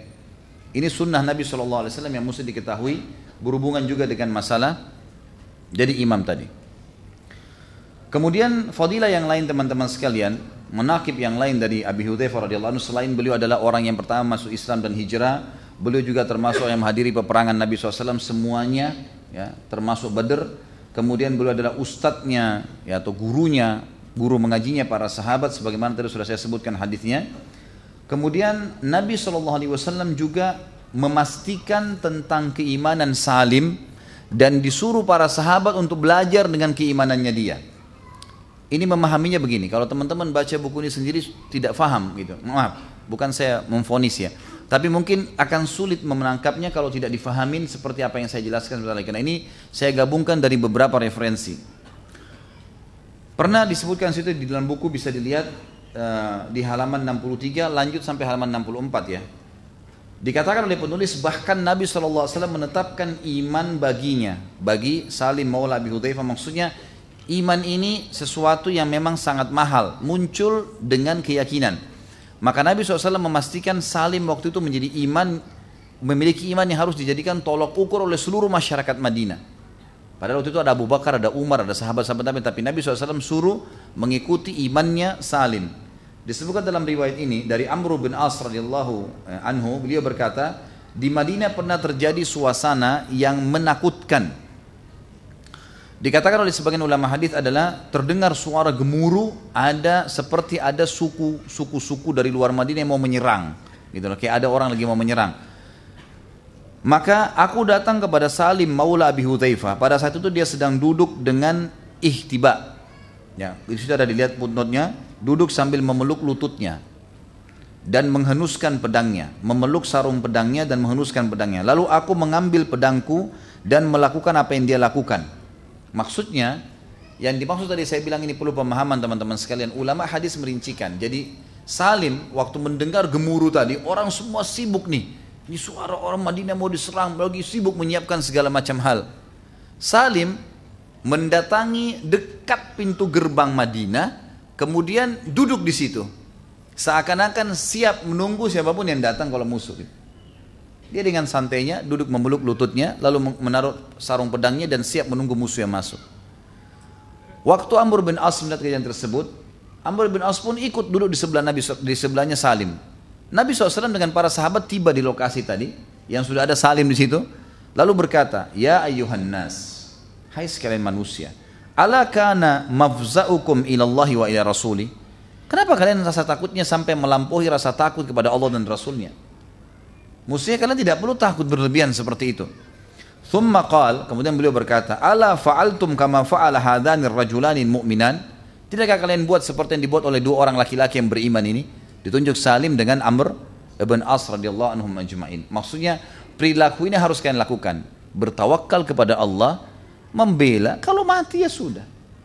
Yang penting itu benar di mata Allah bela. Ini saya berikan judul khusus sebenarnya adalah bagaimana tidak bolehnya menunda kebaikan dan amal yang baik dalam Islam dan tidak boleh ragu dengan yang dijanjikan oleh Allah dan Rasulnya. Ini maksud yang ditekankan di sini. Kemudian Umar bin Khattab juga pernah memuji Salim di zaman khilafahnya beliau. Beliau mengatakan, ini bisa dilihat di halaman 66 ya. Beliau mengatakan bahwasanya kalau seandainya Salim masih hidup, ya, karena Salim ini mati syahid nanti kita bahas fadilah setelahnya, mati syahid di perang Yamamah. Ini di zaman Abu Bakar radhiyallahu. Di zaman khilafah Umar, Umar berkata, kalau seandainya Salim masih hidup, maka saya akan tunjuk Salim menjadi khalifah. Pengganti saya. Maknanya kata ulama hadis, kalau Salim Maula Abi Hurairah masih hidup, Umar tidak akan mengumpul enam orang yang dijamin masuk surga, Tal, uh, Uthman, Ali, Talha, Zubair, Abdurrahman bin Auf dan Sa'ad bin Waqqas. Uthman, uh, apa Umar tidak akan kumpulin mereka langsung tunjuk Salim saja jadi khalifah. Berarti makna lainnya adalah Salim di mata Umar bin Khattab memiliki kedudukan yang layak menjadi pemimpin kaum muslimin. Padahal ini mantan budak. Ini menandakan kedudukan yang luar biasa kata ulama karena memang ini kedudukan seorang yang membaca Al-Quran, ahli Al-Quran, menguasainya dan juga dia orang yang pemberani. Kemudian juga beliau meninggal, ditutup hidupnya teman-teman sekalian dengan mati syahid di perang Yamamah. Perang Yamamah ini terjadi pada saat Nabi SAW sudah sakit parah teman-teman sekalian di akhir hidup beliau SAW di di uh, akhir tahun 10 Hijriah di awal tahun 11 Hijriah. Pada saat itu keluarlah dua orang di jazirah Arab yang mengaku sebagai nabi. Yang pertama namanya Musailamah diberikan julukan Al-Kadzab, pendusta. Dan yang kedua Al-Aswad Al-Unsi. Ini ada kisah masing-masing sebenarnya. Si Musailamah Al-Kadzab ini pernah datang kepada Nabi SAW dan berkata, datang, dia punya teman-teman sekalian 100 ribu orang personil ya anggota sukunya. Dia bilang, Hai Muhammad, saya mau beriman pada kamu. Tapi ada syarat satu. Kata Nabi SAW, apa itu? Nobatkan saya menjadi pelanjutmu. Artinya kalau kau mati, Hai Muhammad, gitu kan? Saya harus jadi nabi juga. Gitu. Ini bukan jadi khalifah ya, menjadi nabi, minta jadi nabi juga. Kata Nabi SAW, itu haknya Allah. Gimana cara? Bukan hak saya gitu. Dia bilang, hai Muhammad, saya punya 100 ribu orang yang bisa membela kamu. gitu kan? Kata Nabi SAW, itu haknya Allah. Tidak mungkin. Sudah penutup Nabi, bagaimana caranya ada Nabi lagi setelahnya? Sebagian ulama hadis mengatakan dia minta menjadi khalifah. Nabi SAW mengatakan tidak mungkin, itu haknya Allah. Tidak bisa saya tunjuk sekarang. Maka dia pun pulang ke kaumnya, lalu dia nobatkan dirinya menjadi Nabi. Ini kalau teman-teman ikutin, pernah saya sampaikan ada kisah yang unik tentang Musailamah Kadzab ini. Jadi Allah SWT bongkar mempermalukan dia ya di zaman Nabi SAW masih hidup. Di akhir waktu dia mengaku Nabi nih. Tradisi masyarakat Madinah, kalau ada anak baru lahir, dibawa ke Nabi SAW di masjid. Lalu Nabi SAW mendoakan, mengelus kepalanya, rambutnya. Biasanya kalau Nabi habis elus, rambutnya jadi subur tuh anak. Gitu. Nabi SAW mentahnik dan memberikan nama. Tahnik mengunyah kurma lalu ditempelin di langit-langitnya si bayi, gitu kan? Supaya bayi itu menelan sari kurma, tapi sedikit aja ya. Biasanya orang soleh atau orang tuanya nih. Itu tradisi. Maka setiap bayi yang Nabi SAW elus rambutnya subur. Gitu. Pernah waktu Nabi SAW elus dan didengar oleh pengikutnya Musailamah nih, mereka bilang, Hai Musailamah, itu Nabi yang di Hijaz, mengelus kepalanya anak bayi, gitu kan, subur. Ini ada anak di sini rambutnya bagus, coba kau elus juga siapa tahu lebih bagus gitu. Begitu dibawa anak bayi ini sama Usaimah dia tidak mau dipermalukan. Dia elus kepalanya bayi, rontok semua rambutnya. Dan anak itu tumbuh gundul, botak sama anak keturunannya semua. Maaf kalau ada yang botak di sini. Allah alam antum keturunannya atau bukan. Tapi ini memang dari bayi sampai mati nggak ada rambutnya nih. Kejadian yang kedua adalah ada orang Ansar gali sumur, waktu sudah digali dalam, gitu kan? Mereka coba airnya asin. Datang kepada Nabi SAW, ya Rasulullah, airnya sumur ini sudah kita gali asin. Butuh air untuk perkebunan, untuk hidup. Coba anda lihat. Nabi SAW datang ke sana, baca berdoa, meludah. Ingat, ini ludahnya Nabi. Saya ingatin dari sekarang. Apalagi bawa-bawa namanya Khalid Basalama ini bahaya. Ustaz Khalid yang bilang nih. Nabi SAW meludah. Waktu meludah, air asin menjadi tawar. Gitu. Pengikut Musailamah dengar juga tuh. Mereka bilang, hai Musailamah, tuh Nabi yang di Hijaz meludah di sumur, asin jadi tawar. Ini ada sumur kami sudah tawar, ludahin juga. Dia datang, dia baca-baca mantranya, dia ludah, air itu dalam riwayat Bukhari dikatakan air sumur itu berubah menjadi lebih busuk dari bau bangkai Riwayatnya mengatakan lebih busuk dari bau kencingnya keledai gitu. Allah permalukan dia. Tapi subhanallah dengan begitu pun kejadian tetap mengaku Nabi. Tetap mengaku Nabi. Sampai Nabi SAW sakit parah nih, gitu kan. Nabi SAW sempat membentuk pasukan untuk menyerang dia, tapi keburu meninggal beliau sebelum pasukan itu sampai di sana. Abu Bakar dinobatkan jadi khalifah, maka Abu Bakar mengutus ya pasukan untuk menyerang. Yang disuruh pegang bendera adalah Salim Maula Abi Hudhaifa memegang benderanya muhajirin. Nanti kita jelaskan di pertemuan akan datang teman-teman sekalian tentang Musa bin Umair pemegang panji perangnya Nabi SAW di Uhud. Apa sih kelebihannya orang pegang panji itu?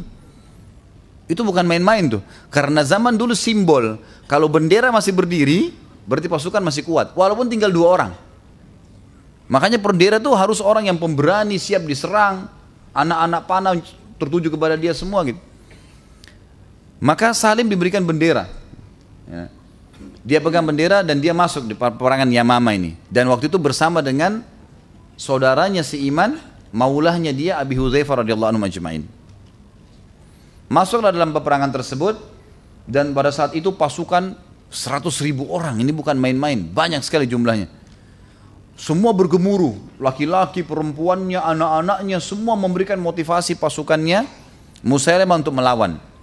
Akhirnya Allah Subhanahu wa taala berikan kemenangan, hanya saja beberapa sahabat mati syahid dan di antaranya Salim dan Abi Hudzaifah radhiyallahu anhu Dan pada saat mereka mati syahid, Abi Hudzaifah tertusuk dan jatuh. Pada saat detik-detik terakhir dia lagi menurunkan darah, dia sempat mengatakan, "Di mana saudara saya Salim?" Ternyata orang-orang pada cari, Salim pun sudah jatuh tergeletak dan tergelidang dana dan dia mengucapkan kalimat yang sama. Di mana saudara saya Abi Hudzaifah? Siapa yang bisa membawa saya ke sana? Maka orang-orang pun mengangkat, menopang tubuhnya Salim dibawa ke Abi Hudzaifah.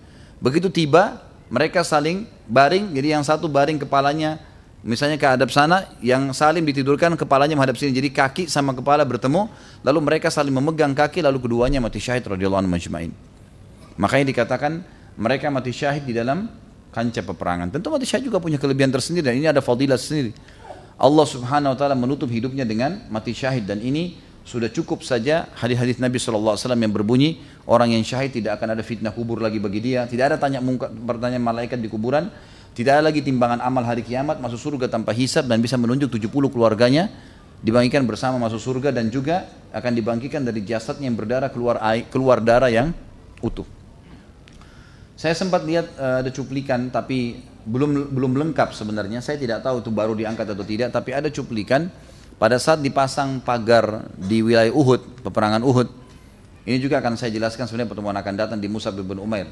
Itu waktu diperbaikin tanahnya, mereka sempat meng, e, ada tanah yang longsor, diperbaikin dan ditemukan jasadnya Hamzah radhiyallahu anhu. Dan itu ternyata darahnya masih mengalir sampai sekarang. Nanti akan kita bahas di masalah Hamzah itu. Tapi mati syahid punya kelebihan teman-teman sekalian dan saya sarankan diri saya terutama saya mulai dengan diri saya dan teman-teman di sini agar selalu merindukan syahada ini. Karena memang kata Nabi SAW, "Man talaba syahada bisidq, ballagahu Allahu manazil syuhada wa in mata ala firashi." Siapa pun yang ingin mati syahid, rindu memang dari hatinya mau itu, dia tulus untuk itu, maka Allah akan berikan dia kedudukan mati syahid walaupun dia mati di atas ranjangnya, gitu kan? Tidak usah takut teman-teman sekalian. Karena orang kalau mati, dia nggak rasakan lagi prosesnya. Gitu kan? Jadi kalau ada orang ditusuk-tusuk oleh musuh, dibacot, dipenggal kepalanya, kalau sudah mati, dia ajalnya datang, dia cuma lihat malaikat, dia nggak lihat lagi pedangnya musuh. Dia nggak rasakan lagi tusukan mereka, dia nggak rasakan lagi bom yang dilempar kepadanya dan seterusnya. Karena mati akan datang. Maka orang beriman faham masalah ini. Mati sebuah pintu yang membuat dia kepada kehidupan abadi yang dia akan rasakan nanti. Maka tidak boleh rasa takut semestinya. Dan harus kita rindukan. Dan ini yang tertanam pada diri sahabat termasuk Salim radhiyallahu anhu, begitu juga dengan maulahnya atau tuannya dia Abi Hudzaifah radhiyallahu ajmain. Ini teman-teman sekalian penutupan bahasan kita. Mudah-mudahan apa yang kita bahas hari ini bisa menambahkan wacana kita dan juga memberikan kita gambaran tambahan ya, dari kisah serial para tokoh pahlawan sahabat ini. Dan insya Allah kita ketemu lagi di pertemuan akan datang. Selama nunggu waktu saya akan baca pertanyaan. Kenapa di dalam Islam diperbolehkan menyetubui budak tanpa dinikahi terlebih dahulu? Ini sudah pernah ditanya yang lalu ya. Saya ingat betul pertanyaan yang serupa ini di bahasan kita Suhaib Rumi, teman-teman sekalian. Pertama ini adalah hukum Allah. Belajarlah mengagungkan kalimat Allah dalam hati teman-teman. Apa kata Allah dalam surah Al-Anfal?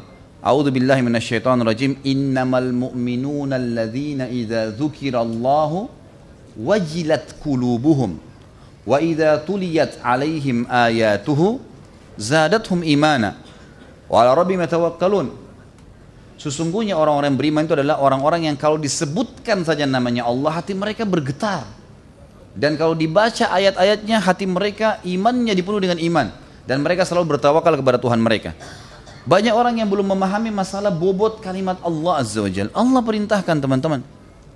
Kenapa laki-laki boleh poligami lebih dari satu orang wanita? Allah memang menurunkan hukum begitu.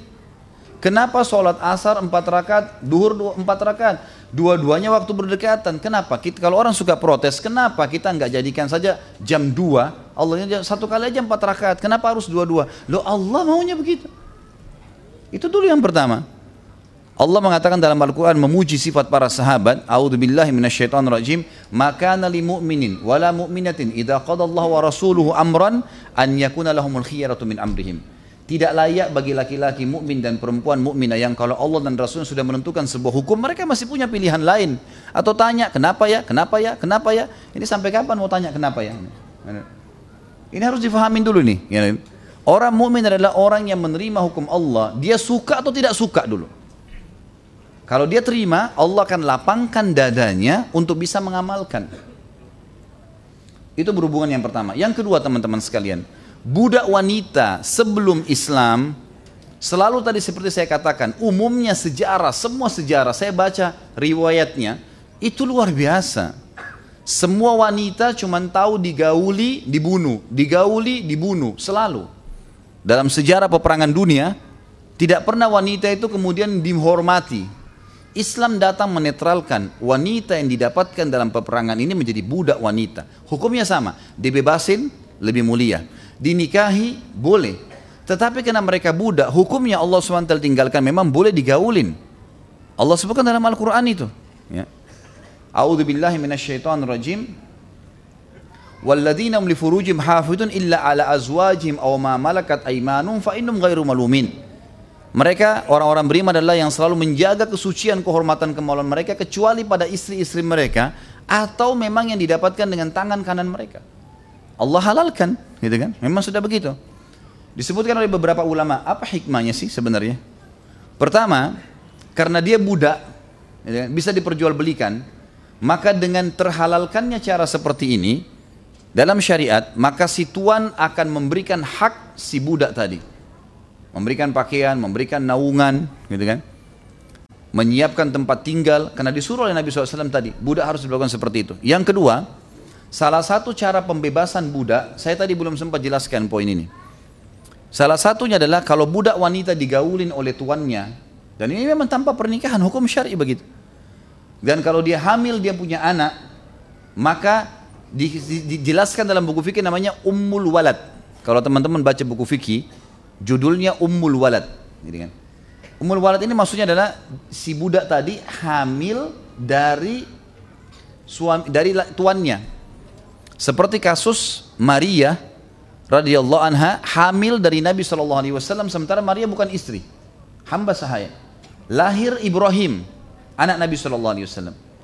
Dan dalam hadis kata Nabi SAW, Ummul Walad, budak yang akhirnya hamil dari tuannya, akan menjadi bebas dari keterbudakannya setelah tuannya meninggal dunia.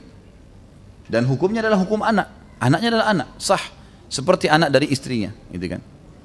Itu hukum dari syariat kita. Sudah begitu hukumnya. Bolehkah zakat yang 2,5% dibagikan kepada saudara-saudara kita yang kurang mampu? Bagaimana cara pembagiannya? Boleh saja. Tentu saja boleh pada orang yang tidak mampu. Yang tidak boleh terima zakat jalur langsung ke atas dan jalur langsung ke bawah. Ayah, ibu, kakek, nenek ini semua nggak boleh terima zakat. Anak, cucu, cicit nggak boleh terima zakat. Ke samping boleh. Paman, ponakan, sepupu semua boleh. Nggak ada masalah. Benarkah kalau kita mempunyai Al-Quran lebih dari satu maka wajib dibaca seluruh Al-Quran yang kita punya secara bergantian? Enggak juga, enggak harus gitu kan. Tapi kalau misal ada orang yang membagikan Quran, kita membagi pahala buat masing-masing itu juga bagus ya. Enggak ada masalah. Karena intinya membaca.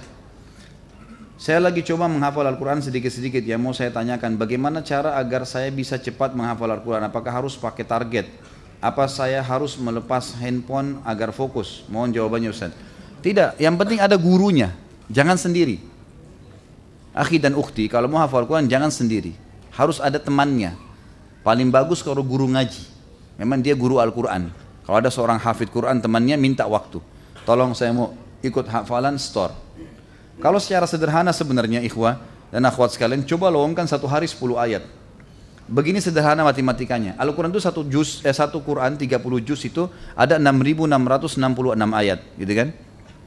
Kalau antum baca sehari, kalau antum hafal sehari 10 ayat, 10 ayat saja antum hafal sehari, berarti sebulan kalau 30 hari, berapa ayat antum hafal?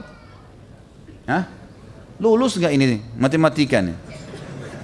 Satu hari 10 ayat, kali 30, satu bulan berarti antum punya 300 ayat. Diulangi setiap sholat ya. Setiap sholat, sholat sunnah, sholat wajib dibaca. Baik, kalau satu tahun ada 12 bulan, berarti kalau satu bulan 300 ayat kali 12, 3600 ayat. Antum sudah hafal 15 juz. Dua tahun hafal 30 juz. Salah satu hari 10 ayat. Itu tolak ukur, antum tinggal tambah atau kurangin. Oh saya cuma bisa 5 ayat Ustaz. Oke, berarti 4 tahun masa hafalannya. Satu ayat sehari ya berarti 7, 6, 6 7 tahun baru hafal. Tapi bisa, asal mau. Intinya mulai dulu. Masalahnya kita belum mulai. Pepatah bahasa Arab jarib ta'rif. Coba kau akan tahu. Ini harus begitu. Ini tidak mendaftar di satu kampus, saya mau jadi mahasiswa sini, tapi nggak daftar, nggak bisa.